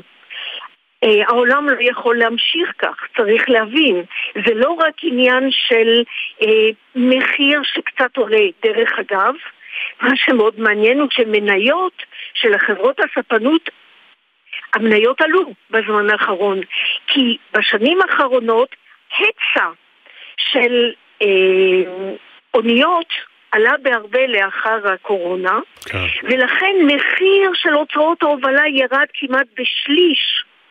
אז העלייה הזו של עכשיו, כמו שנאמר, היא לא כל כך רצינית, זה לא כל כך הבעיה של האינפלציה, זה בעיה של הסחר הבינלאומי והחשיבות של ההגמוניה של ארצות הברית בסכנה. Mm. זאת היא הנקודה החשובה של מה שקורה כרגע. רב חובל יגאל מאור, אה, אנחנו רואים את ה... כצופה מהצד שמעולם לא היה אה, על, על מי חלית שנושאת אה, מחולות, על אוניית סחר, אנחנו רואים בדרך כלל את הסרטונים, זה נראה שמשתלטים בקלות רבה מאוד על הספינות הללו. אתה חושב שיהיה איזשהו ניסיון אולי לתגבר את האבטחה הפנימית עליהן? שיהיו שם אולי חמושים בשכר, שכירי חרב כאלה שיגנו על, על זה, או שלא שווה מבחינת החברות המשנעות להשקיע בזה? לא, בוא נגיד ככה, קודם כל מכלית אה, זו אונייה שנושאת אה, מטעני, אה, מטענים נוזליים, דלקים, אוניית מכולות ואוניית מכולות. ההבטחה שאתה מדבר עליה היום, למשל בנתיבי הסחר שעוברים בים האדום, למיטב ידיעתי כבר היום אפילו מחויבת, אם אני לא טועה על ידי חברות הביטוח, לפחות בגלל האירועים האחרונים, אבל הרבה עושים את זה, אבל אותה הבטחה אה, לא יכולה למנוע ירי של אה, טיל על אונייה או, או אה, ניסיון השתלטות כמו שראינו במקרה של אוניית המכוניות גלקסי לידר לפני כמה שבועות, כאשר מסוק מנחית אנשים על סיפון האונייה. ההבטחה שאנחנו מדברים עליה היא יכולה לעזור נגד מה תופעה שהייתה רווחת באזור בעבר, כמו שדידי הים הפיראטים הסומלים, שהגיעו עם סירות אה, עץ אה, לאונייה וניסו לטפס עליה, או גם הצליחו במקרים רבים גם לטפס על האונייה ולנסות להשתלט עליה ואז אותם שומרים יכלו לראות ולהרתיע אותם לנסות לעלות, אבל זה לא הפתרון למקרה mm-hmm. של הצבא, אה, או נקרא לזה ארגון הטרור החותי המאורגן שהוא בסדרי גודל הרבה יותר מתוחכם ויעיל מאותם כנופיות, כנופיות סומליות. וכאשר אנחנו באמת מסתכלים על uh, הגעה של היום של uh, שר ההגנה של ארה"ב, יש דיווח אחד לפחות בעולם שהוא uh, יכריז כאן על הקמת כוח, רב ימי, כוח שיטור ימי רב-לאומי למאבק באיום החות'ים. אתה רואה את זה קורם עור וגידים? ההכרזה כבר הייתה, הארגון, וה, או נקרא לזה, המבצע כבר יצא לדרך בשם שומר ה... השגשוג או, אה, או פרוספריטי גרדיאן כבר יצא לדרך וכבר הודיעו על זה וכבר התחילו כבר כמה מדינות כבר להתקבץ לנושא הזה אבל אני לא רואה בסיפור הזה פתרון אה, בדרך, אה, בדרך הצבאית. הפתרון לדעתי הוא יהיה באמת בדרך המדינית, זו, זו הדרך שאני רואה את זה, אבל בכל מקרה כרגע אנחנו מדברים כבר על אותה תנועה שמקיפה את אפריקה, ואני לא רואה את זה כל כך מהר אה, משתנה אה, בחזרה.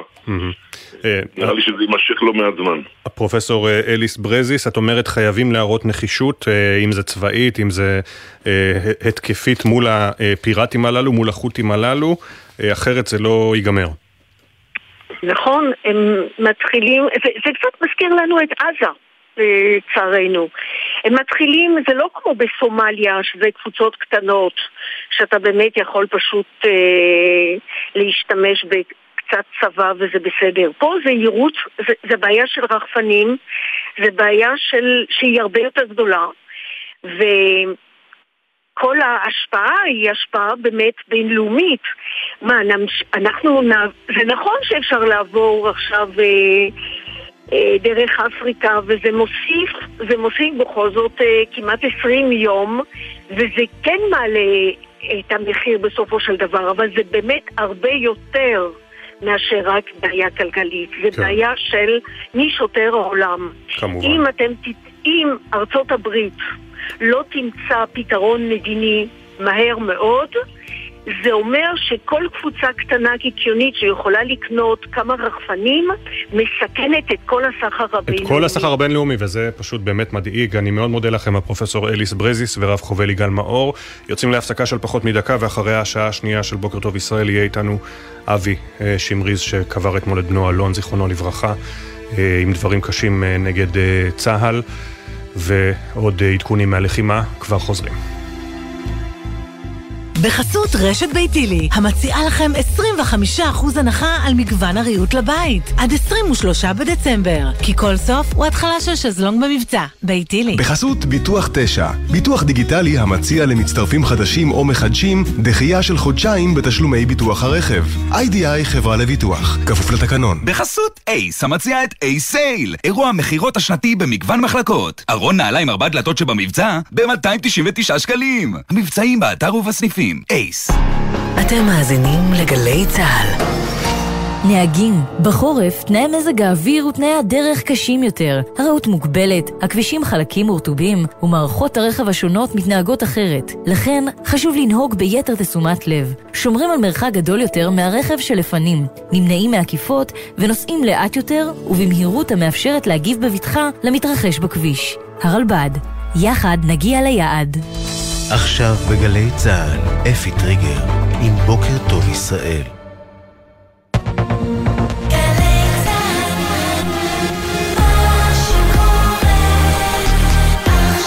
שבע בגלי צה"ל. האסון הכבד והחקירה. אתה רואה שני אנשים, הם לא מאיימים עליך, הם לא עם נשק, הם עם ידיים למעלה, הם בלי חולצות. קח שתי שניות. צה"ל ממשיך בתחקיר הרג שלושת החטופים בשג'אעיה ועוד ועוד פרטים מתגלים.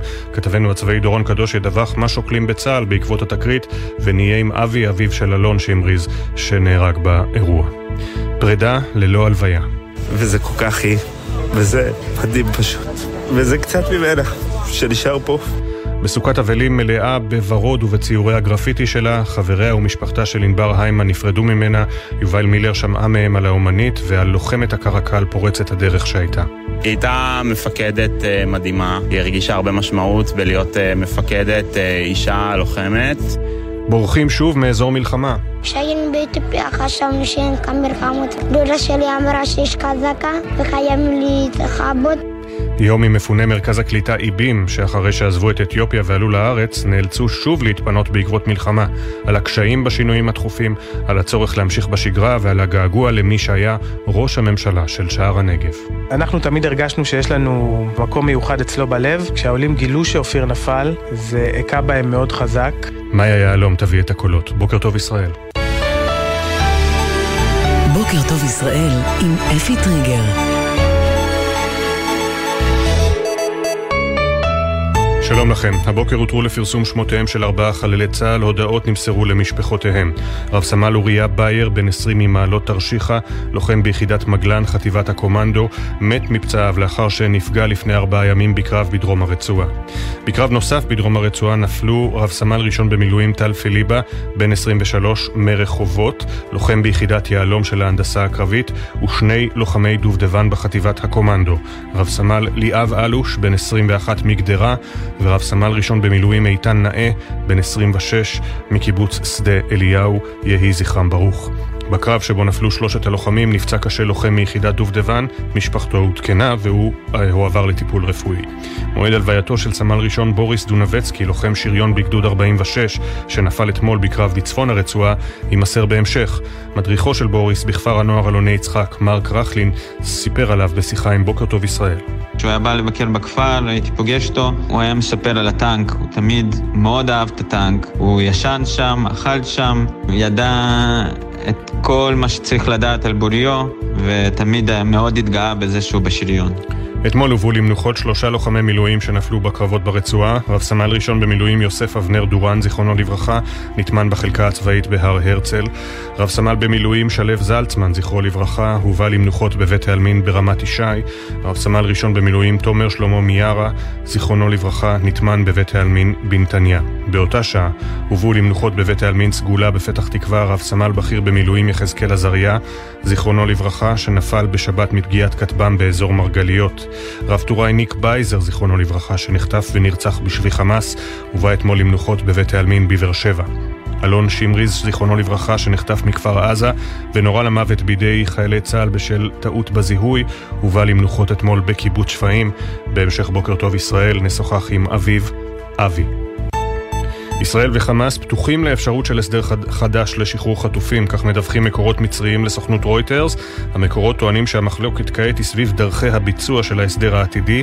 מצרים וקטאר לוחצות להותיר את מעבר כרם שלום פתוח למעבר סיוע הומניטרי לפני תחילת המגעים להסדר חדש.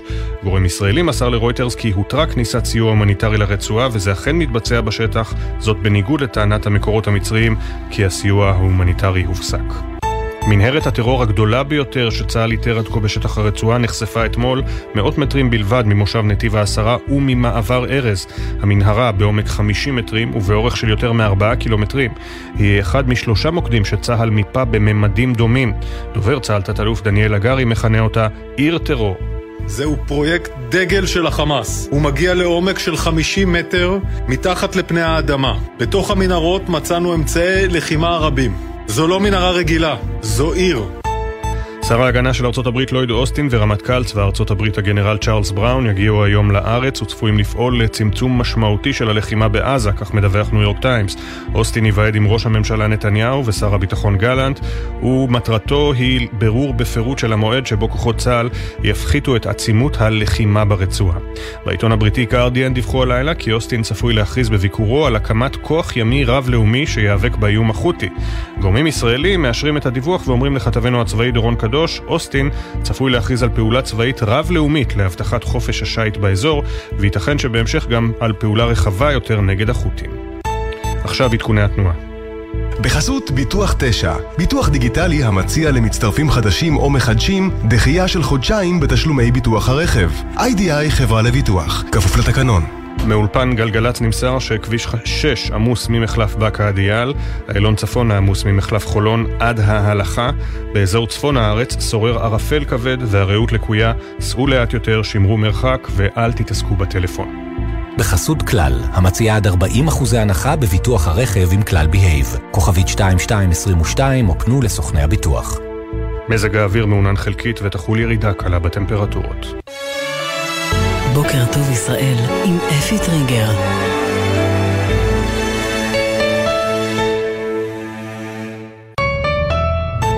שבע אפס שש, בוקר טוב ישראל. לא הצלחנו לשמור עליך, ספדה אתמול קטיה בייזר לבנה ניק, וביקשה ממנו לשמור מלמעלה על אחותו, כי קטיה כבר לא בטוחה שההורים הם אלה שיכולים לשמור על הילד שלהם. עבורה גם ניק בן ה-19 שנחטף ונרצח בשבי חמאס הוא כמובן ילד. וכמו קטיה נראה שהורים רבים לא בטוחים.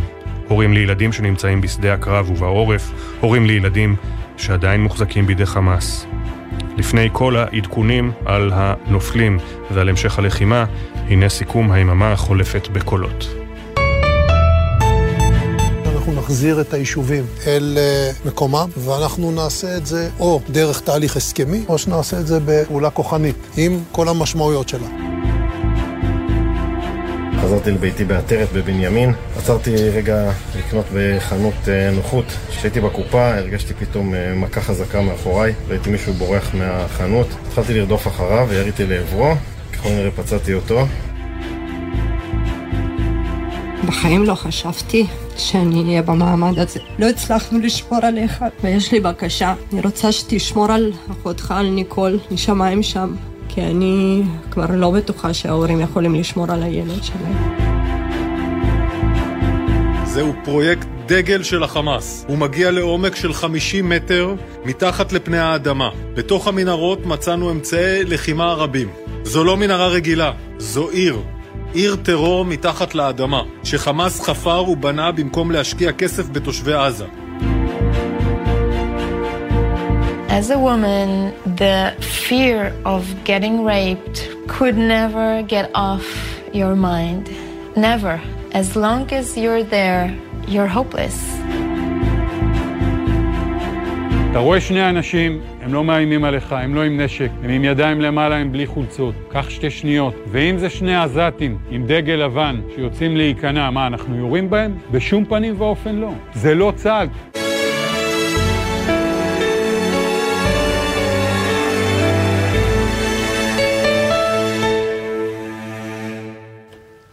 גם היום ה-73 למלחמה נושא איתו בשורות קשות בתחילתו. הבוקר הותרו לפרסום שמותיהם של ארבעה חללי צה"ל. כתבנו לענייני צבא וביטחון דורון קדוש, אתה מצטרף אלינו עם הפרטים על התקרית שבה נפלו שלושה מהלוחמים, אה, ובה גם נפצע קשה לוחם נוסף. שלום דורון. שלום אפי, כן, אז הקרבות הקשים שצה"ל מנהל כרגע בח'אן יונס, שהיא מוקד הלחימה העיקרי, גובים גם מחיר, מחיר כבד מאוד, ובמהלך הבוקר הזה מותרים לפרסום שמותיהם של ארבעה חללי צה"ל שהודעה נמסרה לבני משפחותיהם. רב סמל אוריה בייר, בן 20 ממעלות תרשיחא, לוחם ביחידת מגלן של חטיבת הקומנדו, נפטר מפצעיו לאחר שנפצע באורח קשה לפני ארבעה ימים בקרב בדרום הרצועה. בקרב נוסף אפי נפלו שלושה לוחמי יחידות מובחרות, רב סמל ליאב אלוש, בן 21 מגדרה, לוחם ביחידת דובדבן של חטיבת הקומנדו, רב סמל ראשון במילואים, איתן נאה, בן 26 מקיבוץ שדה אליהו, לוחם ביחידת דובדבן של חטיבת הקומנדו, ורב סמל ראשון במילואים, טל פיליבה, בן 23 מרחובות, לוחם ביחידת יהלום של חיל ההנדסה הקרבית.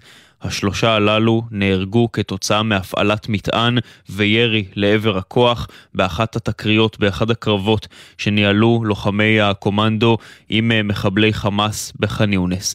מניין חללי צה"ל מתחילתו של התמרון הקרקעי ברצועה עולה הבוקר ל-126.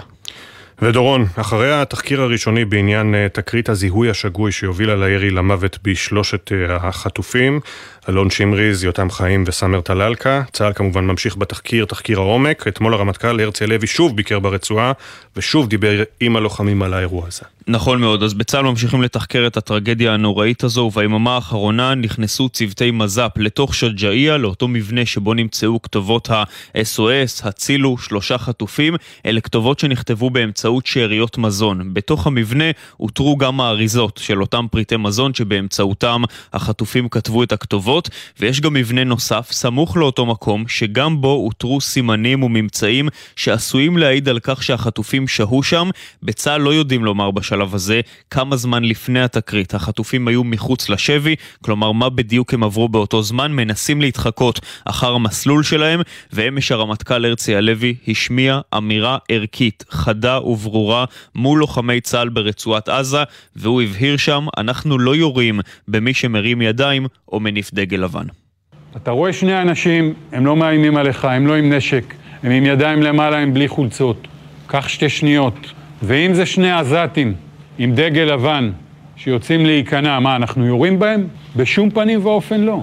זה לא צה"ל.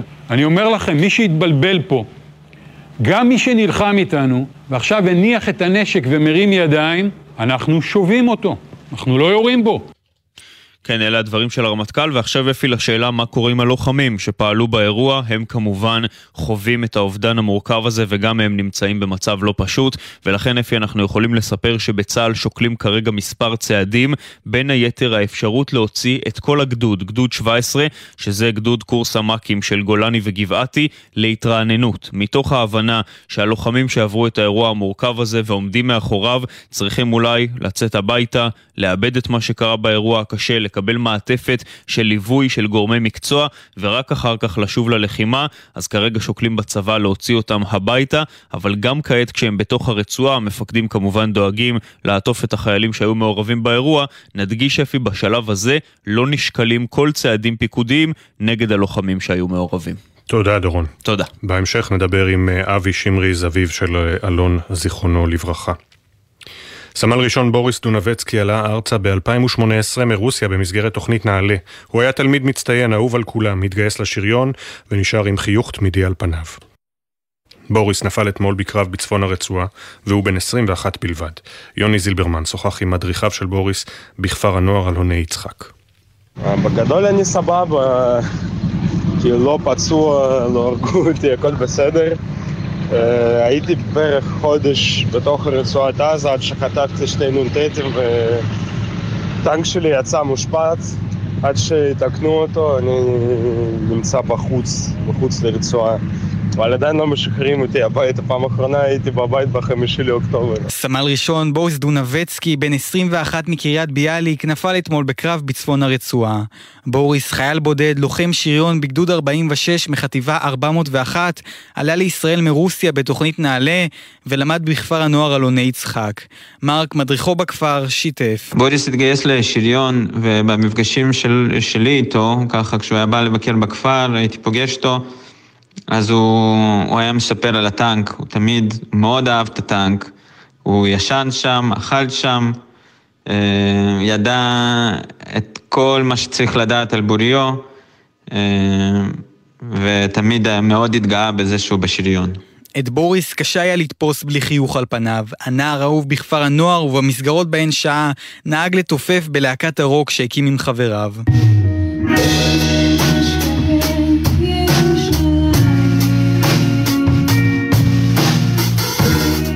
אילנה, רכזת הבוגרים בכפר, סיפרה לנו על הקשר הבלתי רגיל שלהם. ילד מאוד חיובי, מחייך כל הזמן, עם העיניים ככה המלוכסנות האלה, שכשהוא היה מחייך אז הן היו כמעט ונעצמות לו, אי אפשר שלא היה... אני רואה אותו עכשיו, אני רואה פשוט את הפרצוף המחייך הזה. רעמת שיער כשהוא היה בי"ב.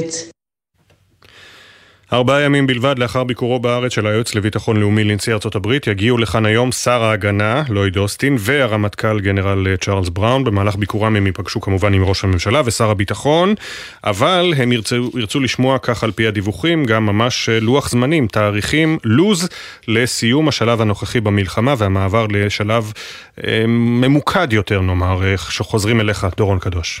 כן, אפי, אז אה, מדובר באמת על אחד הביקורים היותר משמעותיים מתחילת המלחמה, דווקא משום שהוא אה, לא עומד להיות ביקור נימוסים, אלא ביקור פרקטי למדי, עם דיונים שעשויה להיות להם השפעה על כל מהלך המלחמה בהמשך.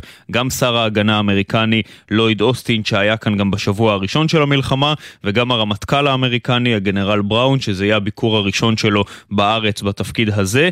בראש הדברים כמובן, הסוגיה העזתית, בישראל מנסים לקנות עוד זמן לתמרון הקרקעי העצים. יש כאן חילוקי דעות בנוגע לכמה זמן עוד נדרש לשלב הזה של הלחימה, וכמובן עוד סוגיות שיש עליהן חילוקי דעות מול האמריקאים, סוגיית הסיוע ההומניטרי, הפעילות ההתקפית של צה"ל ברצועה, ובוודאי אולי בראש ובראשונה סוגיית היום שאחרי והרשות הפלסטינית. אבל לפי לא פחות חשוב, הביקור הזה יעסוק באופן ניכר גם בחזית הצפונית ובחיזבאללה.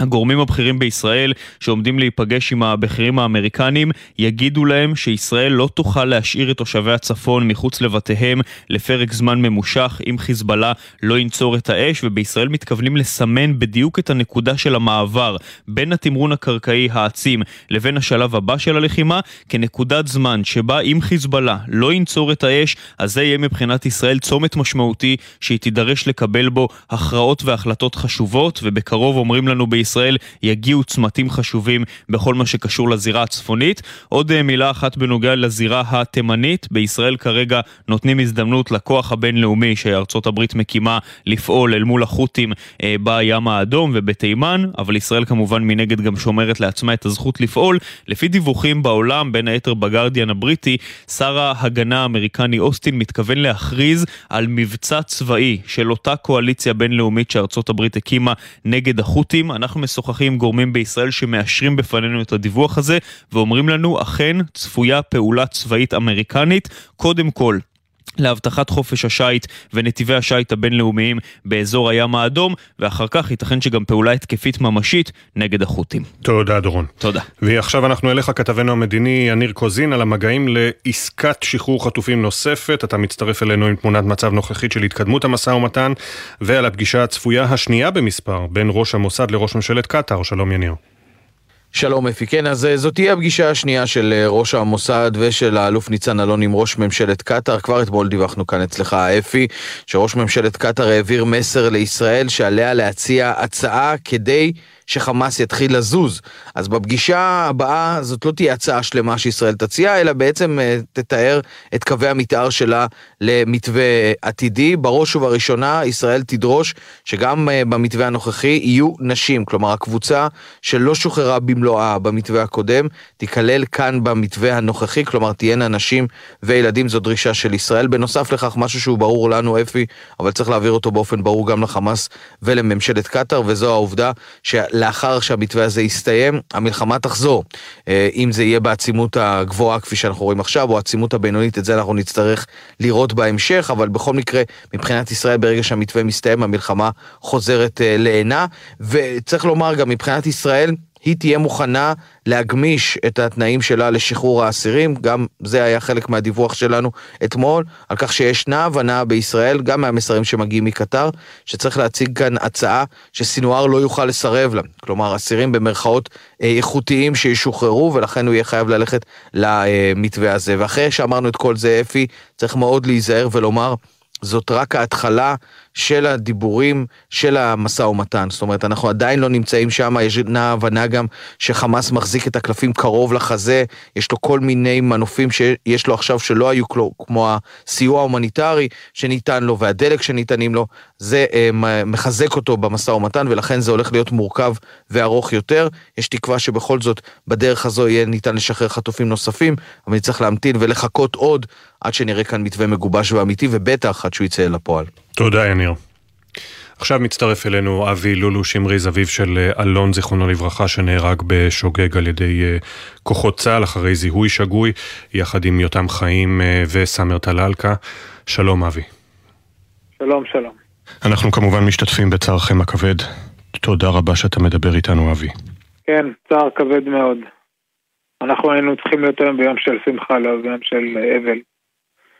היום היינו צריכים לשבת ולחבק את הבן שלנו, שהיה בן גיבור. ולצערי, במקום בן גיבור, שאנחנו נשמע את המעשה גבורה שלו, אנחנו יושבים ומתאבלים על מותו. 70 ימים הוא שרד בשבי, הצליח להימלט או ננטש בידי השובים שלו. בכל מקרה, על פי תחקיר צה"ל, אלון, יותם וסאמר היו ביחד באותו מבנה. ראינו אתמול גם את השלטים שהם הכינו. מה עובר לכם בראש כשאתה רואה את התמונות הנוראות האלה?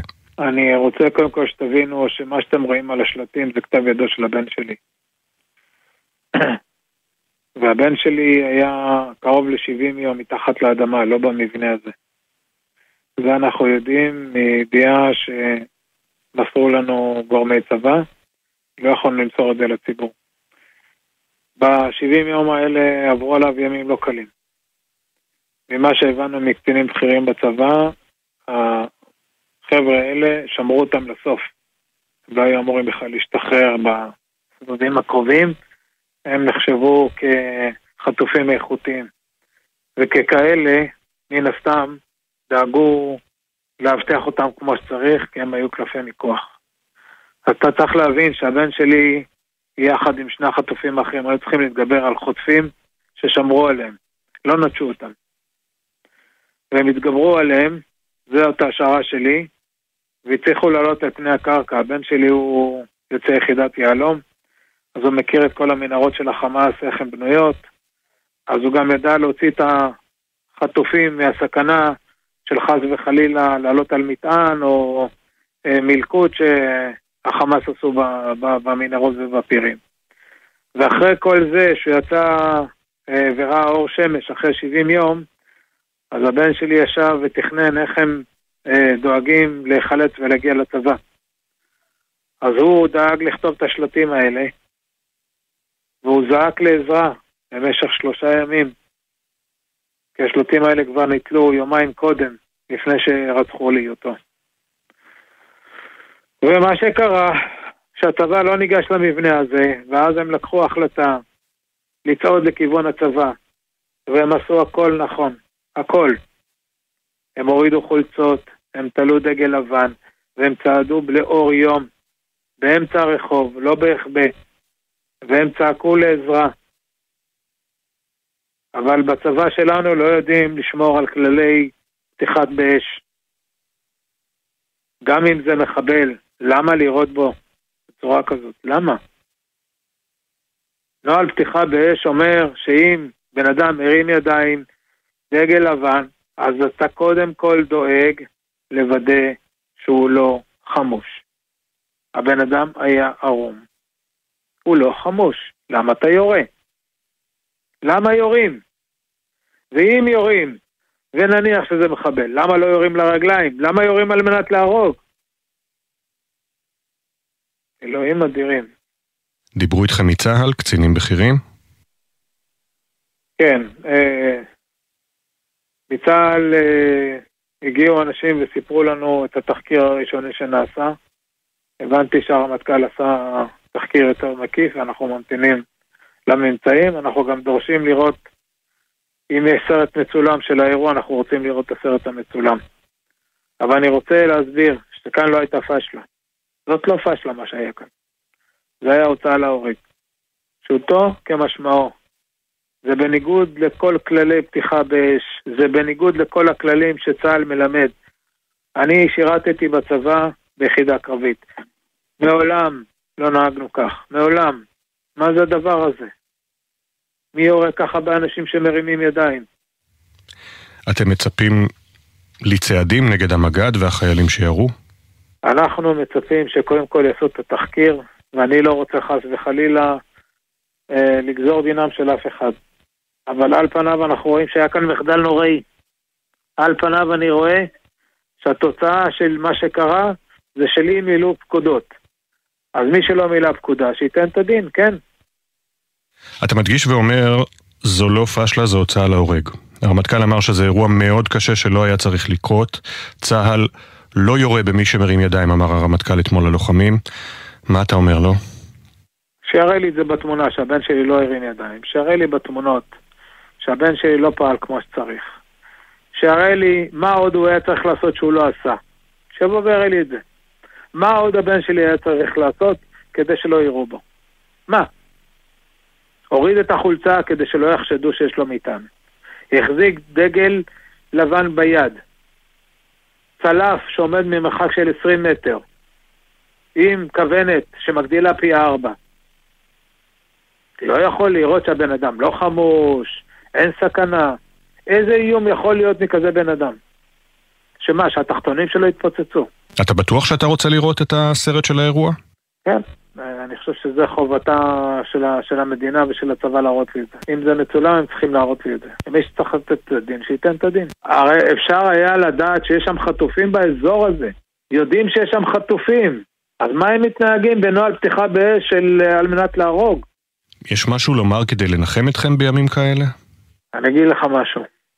אפשר לנחם אותנו, אנחנו מוכנים להתנחם, אנחנו חושבים שהבן שלנו היה גיבור, וכרגע הרגו אותו כמו כלב, אז שהצבא ייקח אחריות, שיהפוך אותו לאחד שהוא גיבור, אחד שעשה את כל המעשה הזה עם תכנון מחשבה קדימה, זה לא אזרח, זה לוחם צבא, שיכירו בו כחלל צה"ל, זה יכול לנחם, שנדע שהמוות שלו לא היה לשווא.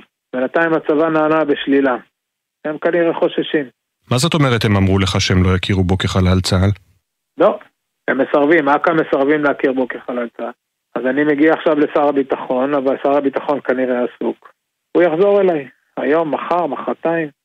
הבן שלי הנהיג שלושה חטופים, הביא אותם למקום מבטחים. הביא אותם למקום שהצבא היה צריך לחבק אותם. הבן שלי עשה את זה כי הוא היה חייל טוב. כי הוא עשה בדיוק את מה שלימדו אותו בצבא. הוא הביא אותם לחוף מבטחים מתוך תעלה שהייתה מלאה במוקשים, מלאה במלכודות, אה, אה, ובגלל שהוא הכיר הוא יצטרך להוציא אותם החוצה בלי שהם נפגעו. מי עושה את זה? אזרח עושה כזה דבר? אמרת בתחילת השיחה שזיהית את כתב היד של אלון, אה, העבר שלו ביחידת יהלום סייע לו לעשות הכל נכון, פשוט אין מילים לתאר את התוצאה הנוראה של האירוע הזה. כן, ככה נוהג לוחם של הצבא. מזדהה, דואג לאחרים, מביא אותם לחוף מבטחים, עושה את זה כמו שצריך, לפי הספר, זה לא אזרח, זה לוחם.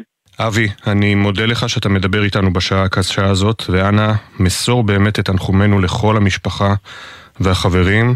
אנחנו גם מבטיחים לעקוב אחרי השאלה לגבי הכרה באלון, ביותם אה, ובסאמר כחלל צה"ל. אבי שמריז, אבא של אלון, שלא תדעו עוד צער, תודה רבה לך. תודה לכם. תודה. תגובת אה, דובר צה"ל לדברים אה, של אבי, צה"ל משתתף בצערה של משפחת שמריז. בקשת המשפחה התקבלה והיא נבחנת על ידי הגורמים הרלוונטיים. מענה יועבר במישרין למשפחה. תגובת אה, דובר צה"ל. 728 ענבר היימן, בת 27 מחיפה, נחטפה מהמסיבה ברעים, ובסוף השבוע משפחתה קיבלה את הבשורה הקשה מכל, שענבר נרצחה בשבי. בסוכת האבלים היו הצוות של ענבר מקרקל, שם היא שירתה כמפקדת כיתה, ופגשה את הלוחמים שהפכו לחברים בלתי נפרידים ויצרו קשר של חברות אמת. כולם התגייסו למילואים ב-7 באוקטובר, אבל גם בחזית לא הרפו מהחיפושים אחרי ענבר ומהתקווה שתשוב הביתה. כתבתנו יובל מילר פגשה אותם ושמעה על המפקדת הלוחמת האמיצה מקרקל. זאת לא הייתה פרידה רגילה. עשרות מחבריה הקרובים והרחוקים של ענבר היימן, זיכרונה לברכה, פקדו אתמול את סוכת האבלים שהקימו סמוך לבית הוריה. לוויה הם לא קיימו, משום שגופתה עדיין מוחזקת בשטח רצועת עזה. אני חושב שאפשר פשוט uh, להסתכל פה ימינה ושמאלה ולהבין פה מגוון מאוד מאוד רחב של אנשים. מכל התקופות בחיים שלה. בפינה השמאלית במאהל האבלים ישבו החברים הכי טובים של ענבר מהצבא. רובי, אמיר, שוני וחברים נוספים שהגיעו במיוחד והישר מהמילואים. מאז שהכירו בגדוד קרקל, החבורה הייתה בלתי נפרדת. אני הייתי סמל מחלקה במחזור אה, אוגוסט 16, וענבר הייתה מקית במחלקה. היא הרגישה הרבה משמעות בלהיות uh, מפקדת, uh, אישה, לוחמת. לא, לא ישנו יותר מדי, לא, לא נחנו יותר מדי, היה הרבה דברים קשים. לפעמים הצלחתי להרים אותה, יותר היא הרימה אותי. ענבר, בת ה-27, בחרה לשרת כלוחמת ואחר כך כמפקדת בגדוד קרקל. צוות החברים מהגדוד התגייס למילואים מיד ב-7 באוקטובר, וגם בחזית לא הפסיקו לחשוב על ענבר. כל הימים הראשונים של המילואים היה פשוט אה, לחפש בכל רשימת שמות שהתפרסמה, שאנשים שהגיעו לקיבוצים או אנשים שזיהו בסרטונים. כל הזמן זה היה השיחה. ענבר מעולם לא ויתרה. החברים מספרים שהייתה מושא להשראה גם לפקודיה ואפילו למפקדיה. אני הייתי מפקד בקורס מ"כים שהיא הייתה חניכה בו. ואני זוכר שהיה לה נורא נורא קשה ב... בבוחן מסלול, במתקן אחד ספציפי שהיא כל הזמן התקשתה בו ולא הצליחה, ואני זוכר שגם אני וגם הסמל, אה, שנינו חיכינו שם והיינו במתח, והיא הגיעה ופשוט אכלה את זה ורצה הלאה, וכאילו, ואנחנו היינו בשוק, כי רק זכרנו אותה כמה היא מפחדת מהדבר הזה. ריגשה אותי כל הזמן. כואב לה והיא צועקת, אבל היא, היא לא עוצרת. החברים עקבו כולם בדריכות, לא איבדו את התקווה שענבר תחזור בשלום הביתה. לדמיין כזה פשוט אותה חוזרת, אותנו מתחבקים, אותנו יושבים שוב, נפגשים, מדברים. סוכת האבלים של ענבר הייתה שונה מכל סוכה אחרת. היא הייתה צבעונית. החברים מספרים שלענבר היה כישרון יוצא דופן, התחביב שהפך לסימן ההיכר שלה, ציורי גרפיטי על הקירות. יעל, ששירתה גם היא עם ענבר בסגל, נשארה שקטה כל השיחה עם החברים. עד הרגע שהתחלנו לדבר על הציורים של ענבר, שנותרו עבור רבים, גם היום, המזכרת הגדולה ביותר שנשארה ממנה. אז אני עברתי לעיר חיפה, ואז היא התחילה לעשות הרבה גרפיטי בעיר. פתאום אני מתחילה לראות כל מיני כתובות שלה בכל מקום, וממשיכה לחפש עוד כתובות שאני יודעת שהיא עשתה, ואני ממשיכה למצוא. כאילו, היא ממשיכה להפתיע אותי, והיא צבעה את העיר חיפה. זה קצת ממנה, שנשאר פה. הגבול הדרומי והגבול הצפוני לא שקטים. אתמול התחממות גם בזירת יהודה ושומרון. קצין מילואים נפצע בינוני בפיגוע דקירה בתחנת דלק סמוך למחסום רנטיס, בעת שהיה בדרכו הביתה. בשעות הערב הוא שוחרר מבית החולים לביתו. כתבנו ביהודה ושומרון, הוד בראל, כוחות הביטחון לכדו את המחבל זמן קצר אחרי הפיגוע. שלום הוד. כן, שלום אפי. סרן במילואים מני קלחיים, בן 49, מהיישוב עטרת בבנימין, לא חשב שכשיצא לקנות משהו בחנות הנוחות בתחנת הדלק סמוך לכפר אנטיס, אזור בית אריה בבנימין, הוא ייקלע לזירת פיגוע. אמש, קצת לפני חמש בערב, הוא חזר יחד עם אשתו מקטיף חקלאי בעוטף עזה. כשהם עצרו בתחנת הדלק סמוך למחסום רנטיס, מני נכנס לחנות הנוחות לקנות כמה דברים. בזמן ששילם למוכר, מחבל הגיח מאחוריו ודקר אותו בגבו. בוא נשמע רגע את השחזור של אותם הרגעים מפי מני. כשהייתי בקופה הרגשתי פתאום אה, מכה חזקה מאחוריי, ראיתי מישהו בורח מהחנות, התחלתי לרדוף אחריו ויריתי לעברו, ככל הנראה פצעתי אותו, והרגשתי שברוך השם שאני עמדתי שם, קצין במדי צה"ל עם נשק ארוך שיכול להגיב, אבל כל תושב ותושבת אחרים שהיו מגיעים לשם, אה, יכול שהיו יוצאים מזה בצורה אחרת. מני ירה לעברו כמה כדורים, אך המחבל הצליח להימלט. תוך זמן קצר כוחות צה"ל הגיעו לזירה, ותוך פחות משעה הצבא תפס את המחבל בתוך הכפר אנטיס, הסמוך לתחנת הדלק. המחבל רמי בלוט, בן 21, תושב הכפר אנטיס, החזיק באישור עבודה שאפשר לו לעבוד ביישוב בבנימין, ובנוסף, על פי גורמי ביטחון, לפני הפיגוע הוא כתב צוואה שבה הוא מזדהה עם חמאס. מתחילת המלחמה נעצרו יותר מ-2,200 מבוקשים ברחבי יהודה ושומרון, כ-1,175 מתוכם משויכים לחמאס. תודה הוד. 7.33 הספירה לאחור החלה בעוד פחות מחודש וחצי ב-30 בינואר אמורים, אמורות להיפתח הקלפיות לבחירות לרשויות המקומיות. שר הפנים משה ארבל כבר הכריע, הכריע שלא תהיה עוד דחייה, אבל יש עדיין מתנגדים רבים להחלטתו. יותר מ-350 מועמדים ברחבי הארץ שיגרו בשבוע שעבר מכתב לשר בדרישה לדחות את הבחירות עד לסיום המלחמה. בין המתנגדים גם מתמודדים שהם משרתים במילואים. יותר מחודשיים. כתבנו לענייני פנים שי ישראל שוחח איתם. החלטנו שבמידה והבחירות יתקיימו בינואר, בשעת מלחמה, אנחנו לא נתמודד. אני ממש לפני הכניסה בח'אן יונס, ואני חושב שזה לא בסדר שמה שאני צריך להתעסק זה בתחיית הבחירות. לפני 7 באוקטובר, ירון רוזנטל היה בשיא הקמפיין לראשות המועצה האזורית גוש עציון. מאז הוא משרת במילואים, והיום נמצא עמוק בדרום הרצועה. 180 מעלות. המעבר בין קמפיין פוליטי למלחמה הוא חד מאוד. הייתי באמצע קמפיין, ואני כאן בח'אן יונס, אני חושב שעדיין יש לי פה הרבה מה לעשות. ח'אן יונס עדיין הלחימה קשה.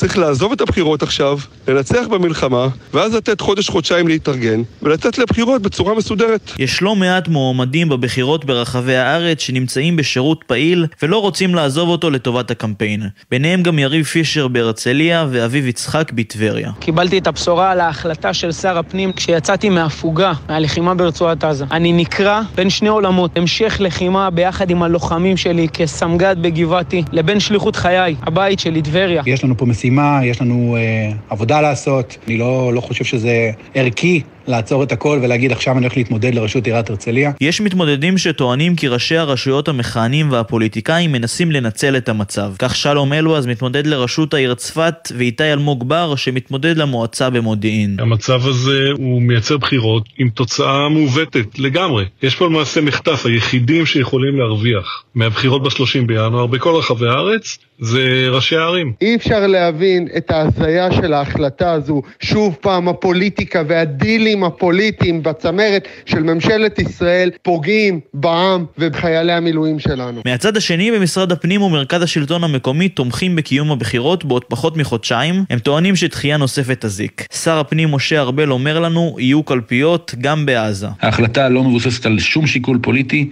אך ורק לשיקולים מקצועיים. אני מבין את האתגר הגדול והקושי של מועמדים שמשרתים כרגע במילואים. אנחנו נערכים כמובן גם uh, לפריסת קלפיות באזורי לחימה, גם בעזה כמובן, ולכל מה שידרש לטובת קיום בחירות דמוקרטיות במועדן. לא אויבינו ולא החמאס הם אלה שיקבעו. בינתיים נראה שלמרות המכתבים והלחצים הפוליטיים, ההחלטה על קיום הבחירות ב-30 בינואר לא תשתנה, אך המועמדים מרחבי הארץ לא מתכוונים לוותר כל כך מהר, וכבר הוגשה עתירה לבג"ץ בנושא. עכשיו 7.36 הכותרות. הבוקר הותרו לפרסום שמותיהם של ארבעה חללי צה"ל, הודעות נמסרו למשפחותיהם. רב סמל אוריה בייר, בן 20 ממעלות תרשיחא, לוחם ביחידת מגלן, חטיבת הקומנדו, מת מפצעיו לאחר שנפגע בסוף השבוע שעבר בקרב בדרום הרצועה. בקרב נוסף בדרום הרצועה נפל רב סמל ראשון במילואים טל פיליבה בן 23 מרחובות, לוחם הנדסה הקרבית, ויחד עמו שני לוחמי דובדבן בחטיבת הקומנדו, רב סמל ליאב אלוש בן 21 מגדרה, ורב סמל ראשון במילואים איתן נאה בן 26 מקיבוץ שדה אליהו. יהי זכר הנופלים ברוך. בקרב הזה גם נפצע קשה לוחם דובדבן, משפחתו עודכנה. בצה"ל ממשיכים לחקור את התקרית, תקרית הירי בשלושת החטופים לאחר זיהוי שגוי. מפרטי המקרה עד כה עולה כי החטופים הכינו שלט בעברית משיירי מזון, שעליו כתבו הצילו שלושה חטופים. אלון שמריז, זיכרונו לברכה, שנחטף מכפר עזה ונורה למוות בידי חיילי צה"ל בתקרית הזו, הובא למנוחות אתמול בקיבוץ שפיים. אביו, אבי, אומר בבוקר טוב ישראל, מי שצריך לתת את הדין, ייתן אותו. זאת לא פשלה מה שהיה כאן, זה היה הוצאה להורג. זה חובתה של, של המדינה ושל הצבא להראות לי. אם זה מצולם, הם צריכים להראות לי את זה. מי שצריך לתת את הדין, שייתן את הדין. הרי אפשר היה לדעת שיש שם חטופים באזור הזה. נכון לעכשיו לא נשקלים צעדים פיקודיים נגד הלוחמים שהיו מעורבים, ובצה"ל שוקלים להוציא להתרעננות את גדוד 17, גדוד קורס המ"כים של גולני וגבעתי, כדי לאבד את מה שקרה באירוע הקשה ולקבל ליווי מגורמי מקצוע. שר ההגנה של ארצות הברית לויד אוסטין ורמטכ"ל צבא ארצות הברית הגנרל צ'ארלס בראון יגיעו היום לארץ וצפויים לפעול לצמצום משמעותי של הלחימה בעזה, כך מדווח הניו יורק טיימס. אוסטין ייפגש עם ראש הממשלה נתניהו ושר הביטחון גלנט וידרוש מהם אה, פירוט על המועד שבו כוחות צה"ל יפחיתו את עצימות הלחימה ברצועה. בעיתון הבריטי גרדיאן דיווחו הלילה כי אוסטין צפוי להכריז בביקורו על הקמת כוח ימי רב-לאומי שייאבק באיום החות'י. גורמים ישראלים מאשרים את הדיווח ואומרים לכתבנו הצבאי דורון קדוש אוסטין צפוי להכריז על פעולה צבאית רב-לאומית להבטחת חופש השיט באזור, וייתכן שבהמשך גם על פעולה רחבה יותר נגד החות'ים. עדכוני תנועה לנהגים מגלגלצ, כביש 6 דרומה עמוס ממחלף באקה עד אייל, איילון צפונה עמוס ממחלף חולון עד ההלכה, כביש גאה צפונה עמוס לתנועה מגן רבה עד גבעת שמואל, בכביש 465 יש עומס תנועה מכיוון בית אריה למחסום רנטיס. באזורים רבים בארץ שורר ערפל כבד והרעות לקויה, אנא סעו לאט יותר, שמרו מרחק ואל תתעסקו בטלפון הנייד. מזג האוויר מעונן חלקית עם ירידה קלה בטמפרטורות, יוצאים להפסקה קצרה ואחריה הדס שטייף תביא את סיפורם של חיילי יחידת טנא, יחידת הטכנולוגיה וההחזקה. כבר חוזרים.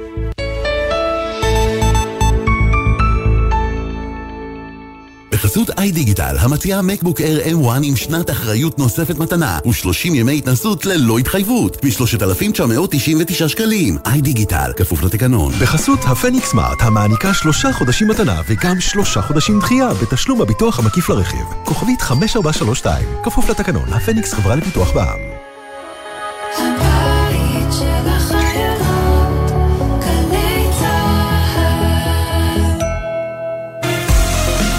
עמיתי קרנות השוטרים והסוהרים, קרנות מעניקה לכם שמיכת חורף זוגית במתנה לאיסוף בסניפי המשביר לצרכן ועוד מגוון מבצעים והנחות. לפרטים ולמימוש היכנסו לאתר קרנות השוטרים מ-17 בדצמבר עד 15 בינואר. קרנות השוטרים קודם כל בשבילך שלום, כאן יניב ביטון. אמא שלי נדבקה בשתפת, ומאז היא משתפת כל דבר שהיא מקבלת בלי לחשוב פעמיים. יניבי אומרים שהחות'ים בדרך לאילת על בננות. אני שולחת בקבוצה של המקהלה. השתפת מסייעת לאויב ויכולה להדביק את כולנו. נתקלתם בתוכן חשוד? עצרו, בדקו ודווחו 119 למערך הסייבר הלאומי. מתגברים על השתפת ולא מפיצים פייק ניוז, חדשות כזב. להמלצות הגנה ודיווח, היכנסו לאתר מערך הסייבר הלאומי. עם ישראל, הביטוח הלאומי הוא מגן הזכויות שלכם. משפחות שכולות, פצועי המלחמה, נפגעי איבה וחרדה. מעכשיו ותמיד אנחנו לצדכם. בסיוע מיידי, מימון טיפולים נפשיים ורפואיים, עזרה והחזרי הוצאות בתקופת האשפוז, תשלום בעבור הוצאות הקבורה והאבל, ומעטפת הגנה של זכויות, הטבות וליווי לאורך כל החיים. הביטוח הלאומי מחבק אתכם ועומד לצדכם, גם ברגעים הכואבים האלה. לפרטים נוספים התקשרו 02 626 99 99 או ייכנסו לאתר הביטוח הלאומי. עמיתי מועדון חבר, ימים אחרונים להטבות בלעדיות רק לכם על מותגי הרכב של פריסבי. רנו, ניסן, אינפיניטי, ויזי וצ'רי. עכשיו בכל אולמות התצוגה. לפרטים כוכבית 6020 או באתר מועדון חבר. בתקווה לימים שקטים יותר במהרה. זה הכל בשבילך. חבר. חולמים לפתח יכולות חדשות? אוניברסיטת בר אילן גאה להציג את אקדימה, לימודי ההמשך, קורסים ותעודה. סקרנים? כל הפרטים מחכים לכם באתר אקדימה, בר אילן. אתם מכירים אזרחים או גופים שפעילותם בימי המלחמה מבטאת את רוח ההתנדבות והאחדות? המועצה הציונית בישראל, מבית ההסתדרות הציונית העולמית, תעניק לחמישה עשר מהם את פרסי אות גיבורי העורף. להגשת מועמדות, התקשרו, כוכבית 9048. המועד האחרון, 21 בדצמבר. עכשיו בגלי צה"ל, אפי טריגר, עם בוקר טוב ישראל. 7.42, גילויי האנטישמיות באוניברסיטאות בארצות הברית עלו בצורה חדה מאז השבעה באוקטובר. עכשיו, יותר מ-70 יום אחרי תחילת המלחמה, ייתכן שמתחילים לראות בשטח את השלכות הכאוס הזה על המוסדות האקדמיים שם. כתבת חדשות החוץ שחר קנוטובסקי, שלום. שלום אפי, לאורך המלחמה בין ישראל לחמאס אנחנו רואים עלייה חדה בגילויי האנטישמיות באוניברסיטאות רבות, בעיקר בארצות הברית כלפי יהודים, זה לא נושא חדש, בשבועות האחרונים נחשפנו גם לשתיקה הרועמת, אין אה, דרך נעימה להגיד את זה, של ראשי האוניברסיטאות מול קריאות אלימות כלפי יהודים וישראלים בקמפוסים. תחושת חוסר האונים והחשש של הסטודנטים מתחילה כעת להשתקף גם במספרים. באתר הרשמי של אוניברסיטת הרווארד פורסם שנרשמה ירידה של 17% בבקשות ההרשמה המוקדמות בהשוואה לשנה שעברה, שפל של ארבע שנים. המומחים סוברים שהתזמון הזה הוא לא לגמרי מקרי, יועצים אקדמיים מסבירים לעיתון בלומברג שיש סיכוי טוב שהגורם לכך הוא אכן היעדר תחושת הביטחון, האלימות המילולית והפיזית והפגיעה בחופש הביטוי, מהם בעצם מפחדים הנרשמים ללימודים באקדמיה. ניצן מחליס, סטודנטית ישראלית ויהודייה בהרווארד, מסכימה ומספרת שהחוויות האנטישמיות לא פסחו גם עליה, אבל קוראת לישראלים לא להיכנע לחששות. בשבילי הקפיצה הזאת של להגיש מועמדות אה, להרווארד זה דרש המון אומץ, וברור לי שזה הרבה יותר קשה כשיש את הפחד מאנטישמית בקמפוסים, אה, זו גדירה לכל דבר, ולי אישית חשוב שיהיו ישראלים, חשוב שיהיו יהודים בקמפוס שנה הבאה. זה כמובן מתקשר גם להתבטאויות של נשיאת האוניברסיטה קלודין גיי בשימוע שנערך בקונגרס בחמישה בדצמבר, כשהיא סירבה למשל להוקיע קריאות אלימות כלפי יהודים בקמפוס, בטענה שזו בעצם פגיעה בחופש הביטוי. היא אמנם הבהירה לאחר מכן שדבריה הוצאו מהקשרם, אבל את הסטודנטים זה לא ממש מרגיע. ממש לא. תודה, שחר. הם אה, עלו מאתיופיה, מאות מהם, בשנים האחרונות במבצע צור ישראל, והחלו לבנות את חייהם במרכז הקליטה איבים, אלא שבשבעה באוקטובר גם הוא הפך לאזור מלחמה. מאיה יהלום הצטרפה ליום עם מפוני מרכז הקליטה.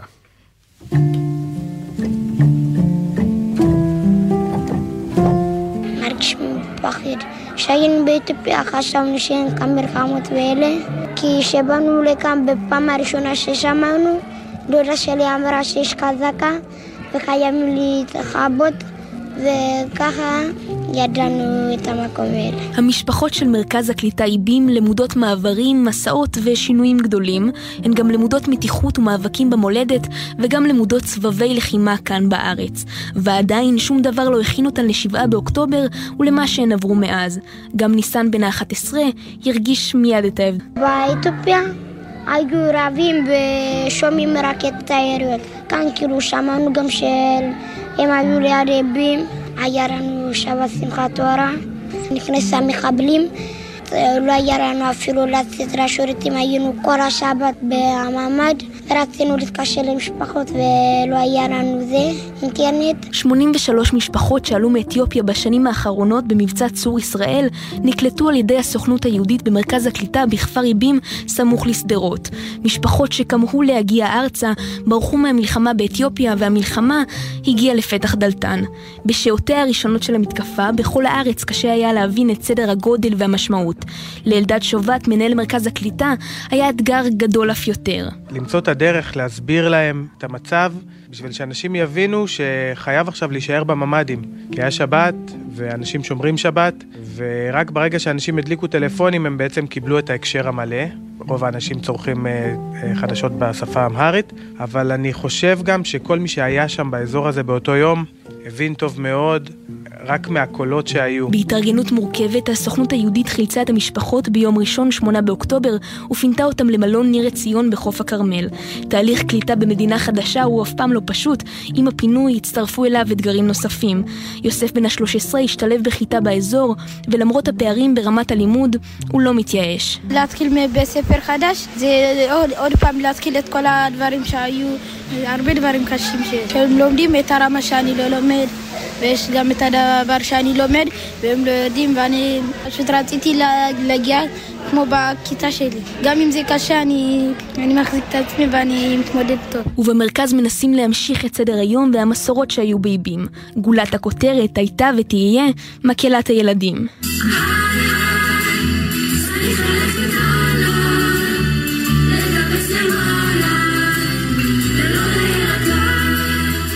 אבל גם המקהלה איבדה את אחד העוגנים שלה, אחד מעמודי התווך, אופיר ליבשטיין, זיכרונו לברכה, ראש המועצה האזורית שער הנגב.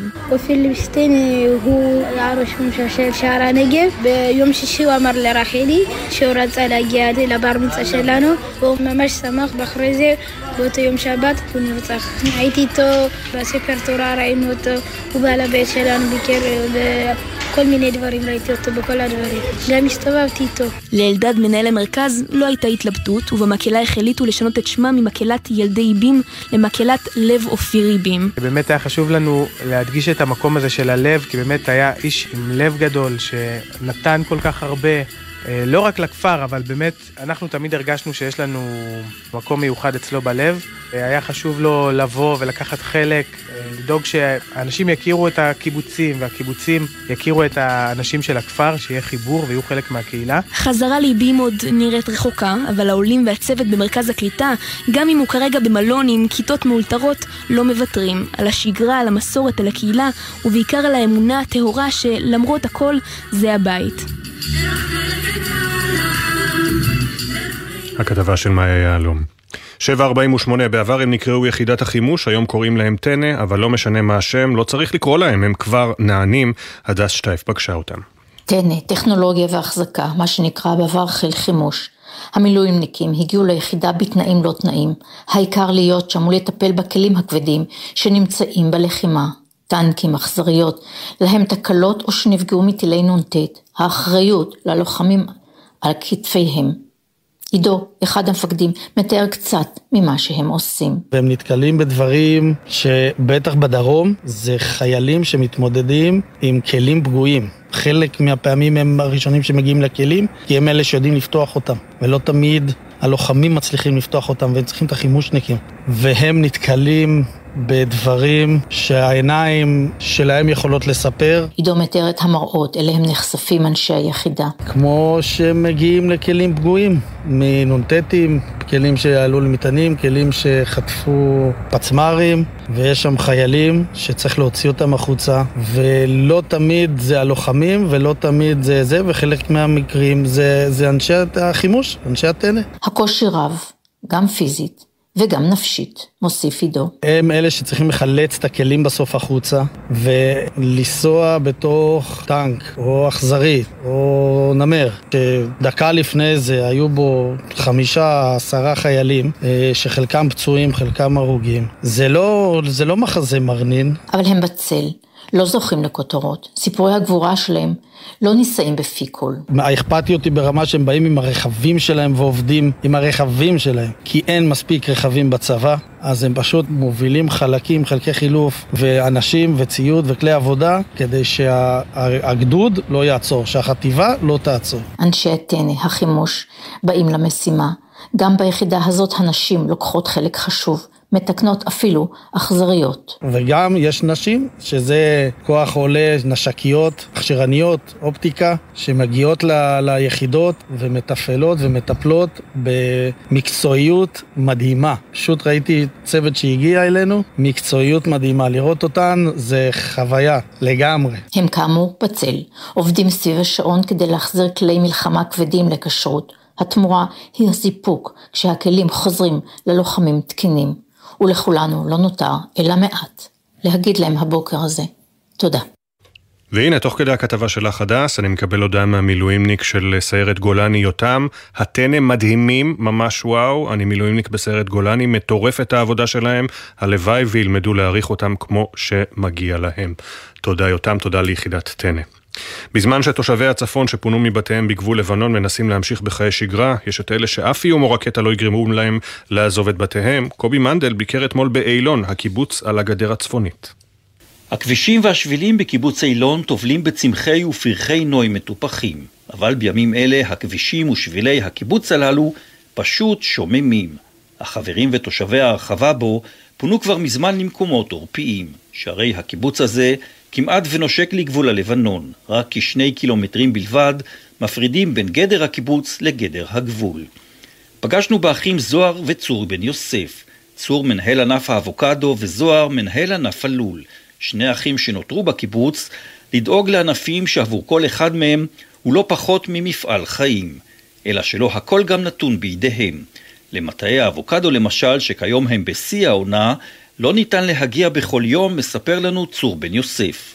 זה אומר שאנחנו לא עומדים בתוכניות קטיף שהיינו צריכים אה, לבצע עד עכשיו, זה מעכב אותנו.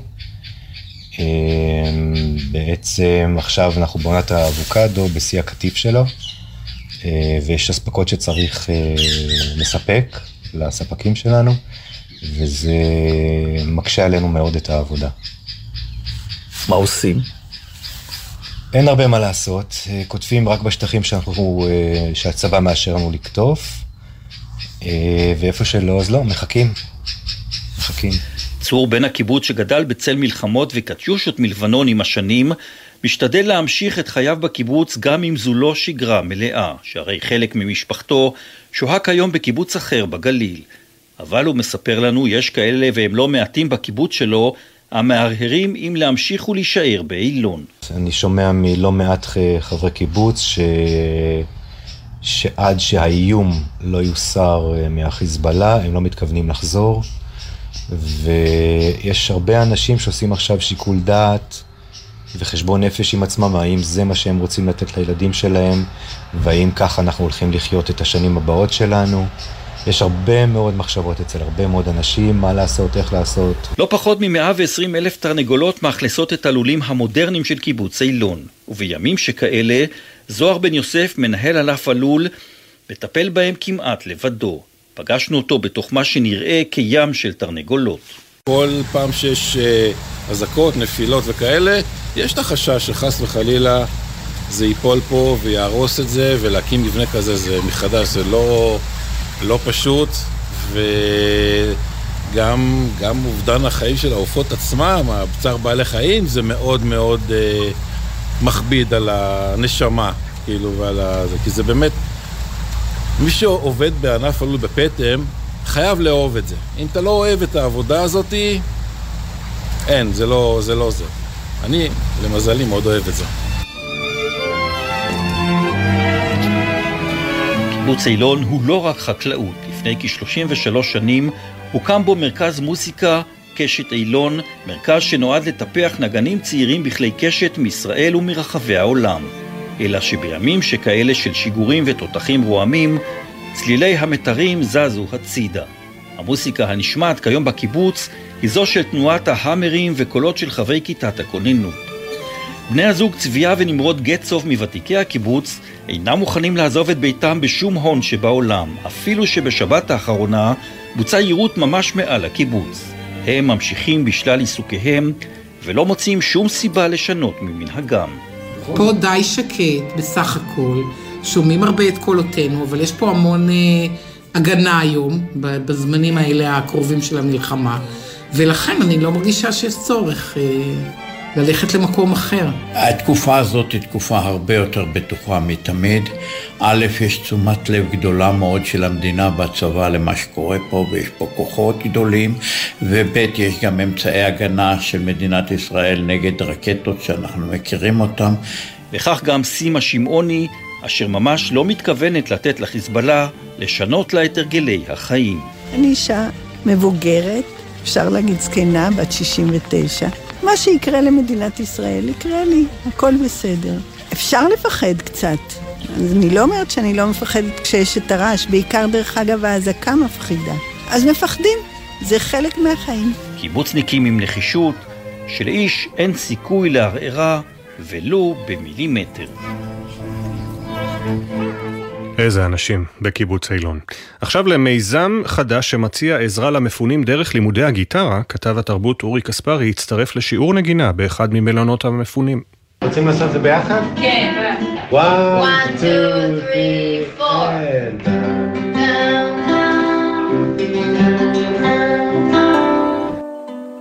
מעגל של כיסאות וגיטרות, חדר מלון שהומר לחדר נגינה, זאת לצד חדר אחר שהומר לגן ילדים. מציאות בלתי צפויה במלון שעד לפני חודשיים אירח כמעט אך ורק תיירים שבאו לנפוש לצד הים התיכון, והיום מארח משפחות שאיבדו את ביתן. כשפרצה המלחמה, גל אלמוג, יזם הייטק ביום-יום ומוזיקאי חובב, הבין שהוא לא יכול להישאר בחוסר מעש. הוא ושלומית רעייתו קנו עשרות גיטרות והקימו את מיזם עוטף גיטרה. שיעורי גיטרה חינמים למפונים. זה היה צו פנימי. ידעתי שאם אתה מעניק את המתנה הזאת שהוריי העניקו לי, של אה, נגינה, יש לה המון המון משמעות מעבר לרכישת המיומנות. ורציתי להעניק את זה להרבה אנשים שעברו uh, טראומות. מוזיקה זה דבר שמנחם, שמאפשר לך לברוח מהזיכרונות, מהיום-יום, זה מין uh, מקלט. אלמוג, שעוסק עכשיו בעיקר במיזם החדש, מאמין שהקריירה שפיתח כיזם היא הכלי שאפשר לו להגדיל את רשת השיעורים לממדים הנוכחיים. בהייטק יש הרבה יצירה ויצירתיות, וכנ"ל נושא של מוזיקה ונגינה, זה משתלב. טוב מאוד, אבל uh, מתוך ההייטק רכשתי הרבה הרבה ניסיון יזמי. לקחת רעיון, לבנות אותו, לבנות את המודל העסקי ולהגדיל אותו. ובאמת, תוך זמן קצר, אני חושב שזה היה הסטארט-אפ הכי מצליח שלי. היום יש לנו 100 תלמידים תוך חודש וחצי. אלמוג ומוריו מעבירים שיעורי נגינה לקבוצות בכל הגילים מיישובים שונים, כשמבחינתם הדגש הוא יצירת שגרה בתוך הריק שנוצר. בן בן העשר שמתגורר בניר-עם ואשקלון, השתתף כבר במספר שיעורים בבית המלון. זה מעסיק את הזמן ואני מתחיל לשכוח מהמלחמה. אני צריך להתרכז כאילו בעוד שיעורים, ואת כל האקורדים והתווים. מאשר להתרכז במה שקורה עכשיו, זה כיף. אורן רינק מניר-עם, ששהתה שעות ארוכות בממ"ד בקיבוץ עם אמה באותה שבת, מודה על כל שיעור נגינה. ועל התחביב החדש שנכנס לחייה דווקא בנסיבות מצערות. שגרה זה לא מילה שאני יכולה בכלל לחשוב להשתמש בה עדיין. זה או לשקוע, או רגע להבין איך אני פועל קדימה בשביל המצב, ולהבין שיש משהו שמחזיק אותך, שאתה יכול רגע, טוב, עכשיו קשה לי, אני עובר רגע לגיטרה כדי להמשיך ליום הבא, מאוד מאוד עוזרת. אני מתאמנת, אני באפליקציה, אני ממש מוצאת את עצמי נשאבת שעות עד אמצע הלילה, כי אני במילא לא ישנה, לגיטרה. המטרה הבאה של החבורה, הופעה משותפת עם אילי בוטנר, לא פחות ולא יותר. חודשיים אחרי שלמדו את האקורד הראשון. לפני סיום ממשיכים במסורת שלנו, מסורת שאנו מקווים שתסתיים במהרה, לא ניפרד לפני שנציין, הבוקר יש עדיין 133 חטופים בעזה, עם בני משפחה שמחכים להם, אחת החטופות היא לירי, הנה אחיותיה רוני ושי. אני רוני, אחות של לירי אלבג. אני שי, אחות של לירי אלבג, שחטופה בעזה כבר 73 ימים. שחטופה בעזה כבר 73 ימים. ואני כל כך אוהבת אותה וכל כך מתגעגעת אליה. אנחנו לא נפסיק להיאבק עד שתחזרי אלינו הביתה, לירי שלי. אני אוהבת אותך ואני מתגעגעת אלייך. שולחת לה את כל הכוחות שבעולם, והיא יודעת שבקרוב היא חוזרת הביתה. תהיי חזקה, רק עוד קצת. יואב מייסי ערך את בוקר טוב ישראל, עורכת המשנה תהל כהן, הפיקה נועה ארז, לצידה אורי שילה, על הביצוע הטכני אחינועם ויינברג, בפיקוח הטכני דני אור, עורכת הדיגיטל מיה אורן, תודה גם למשה טורקיה. אחרינו ספי עובדיה ויניר קוזין, אנחנו ניפגש פה שוב מחר, יום שלישי, שש בבוקר. עוד יבואו ימים טובים יותר. בוקר טוב ישראל.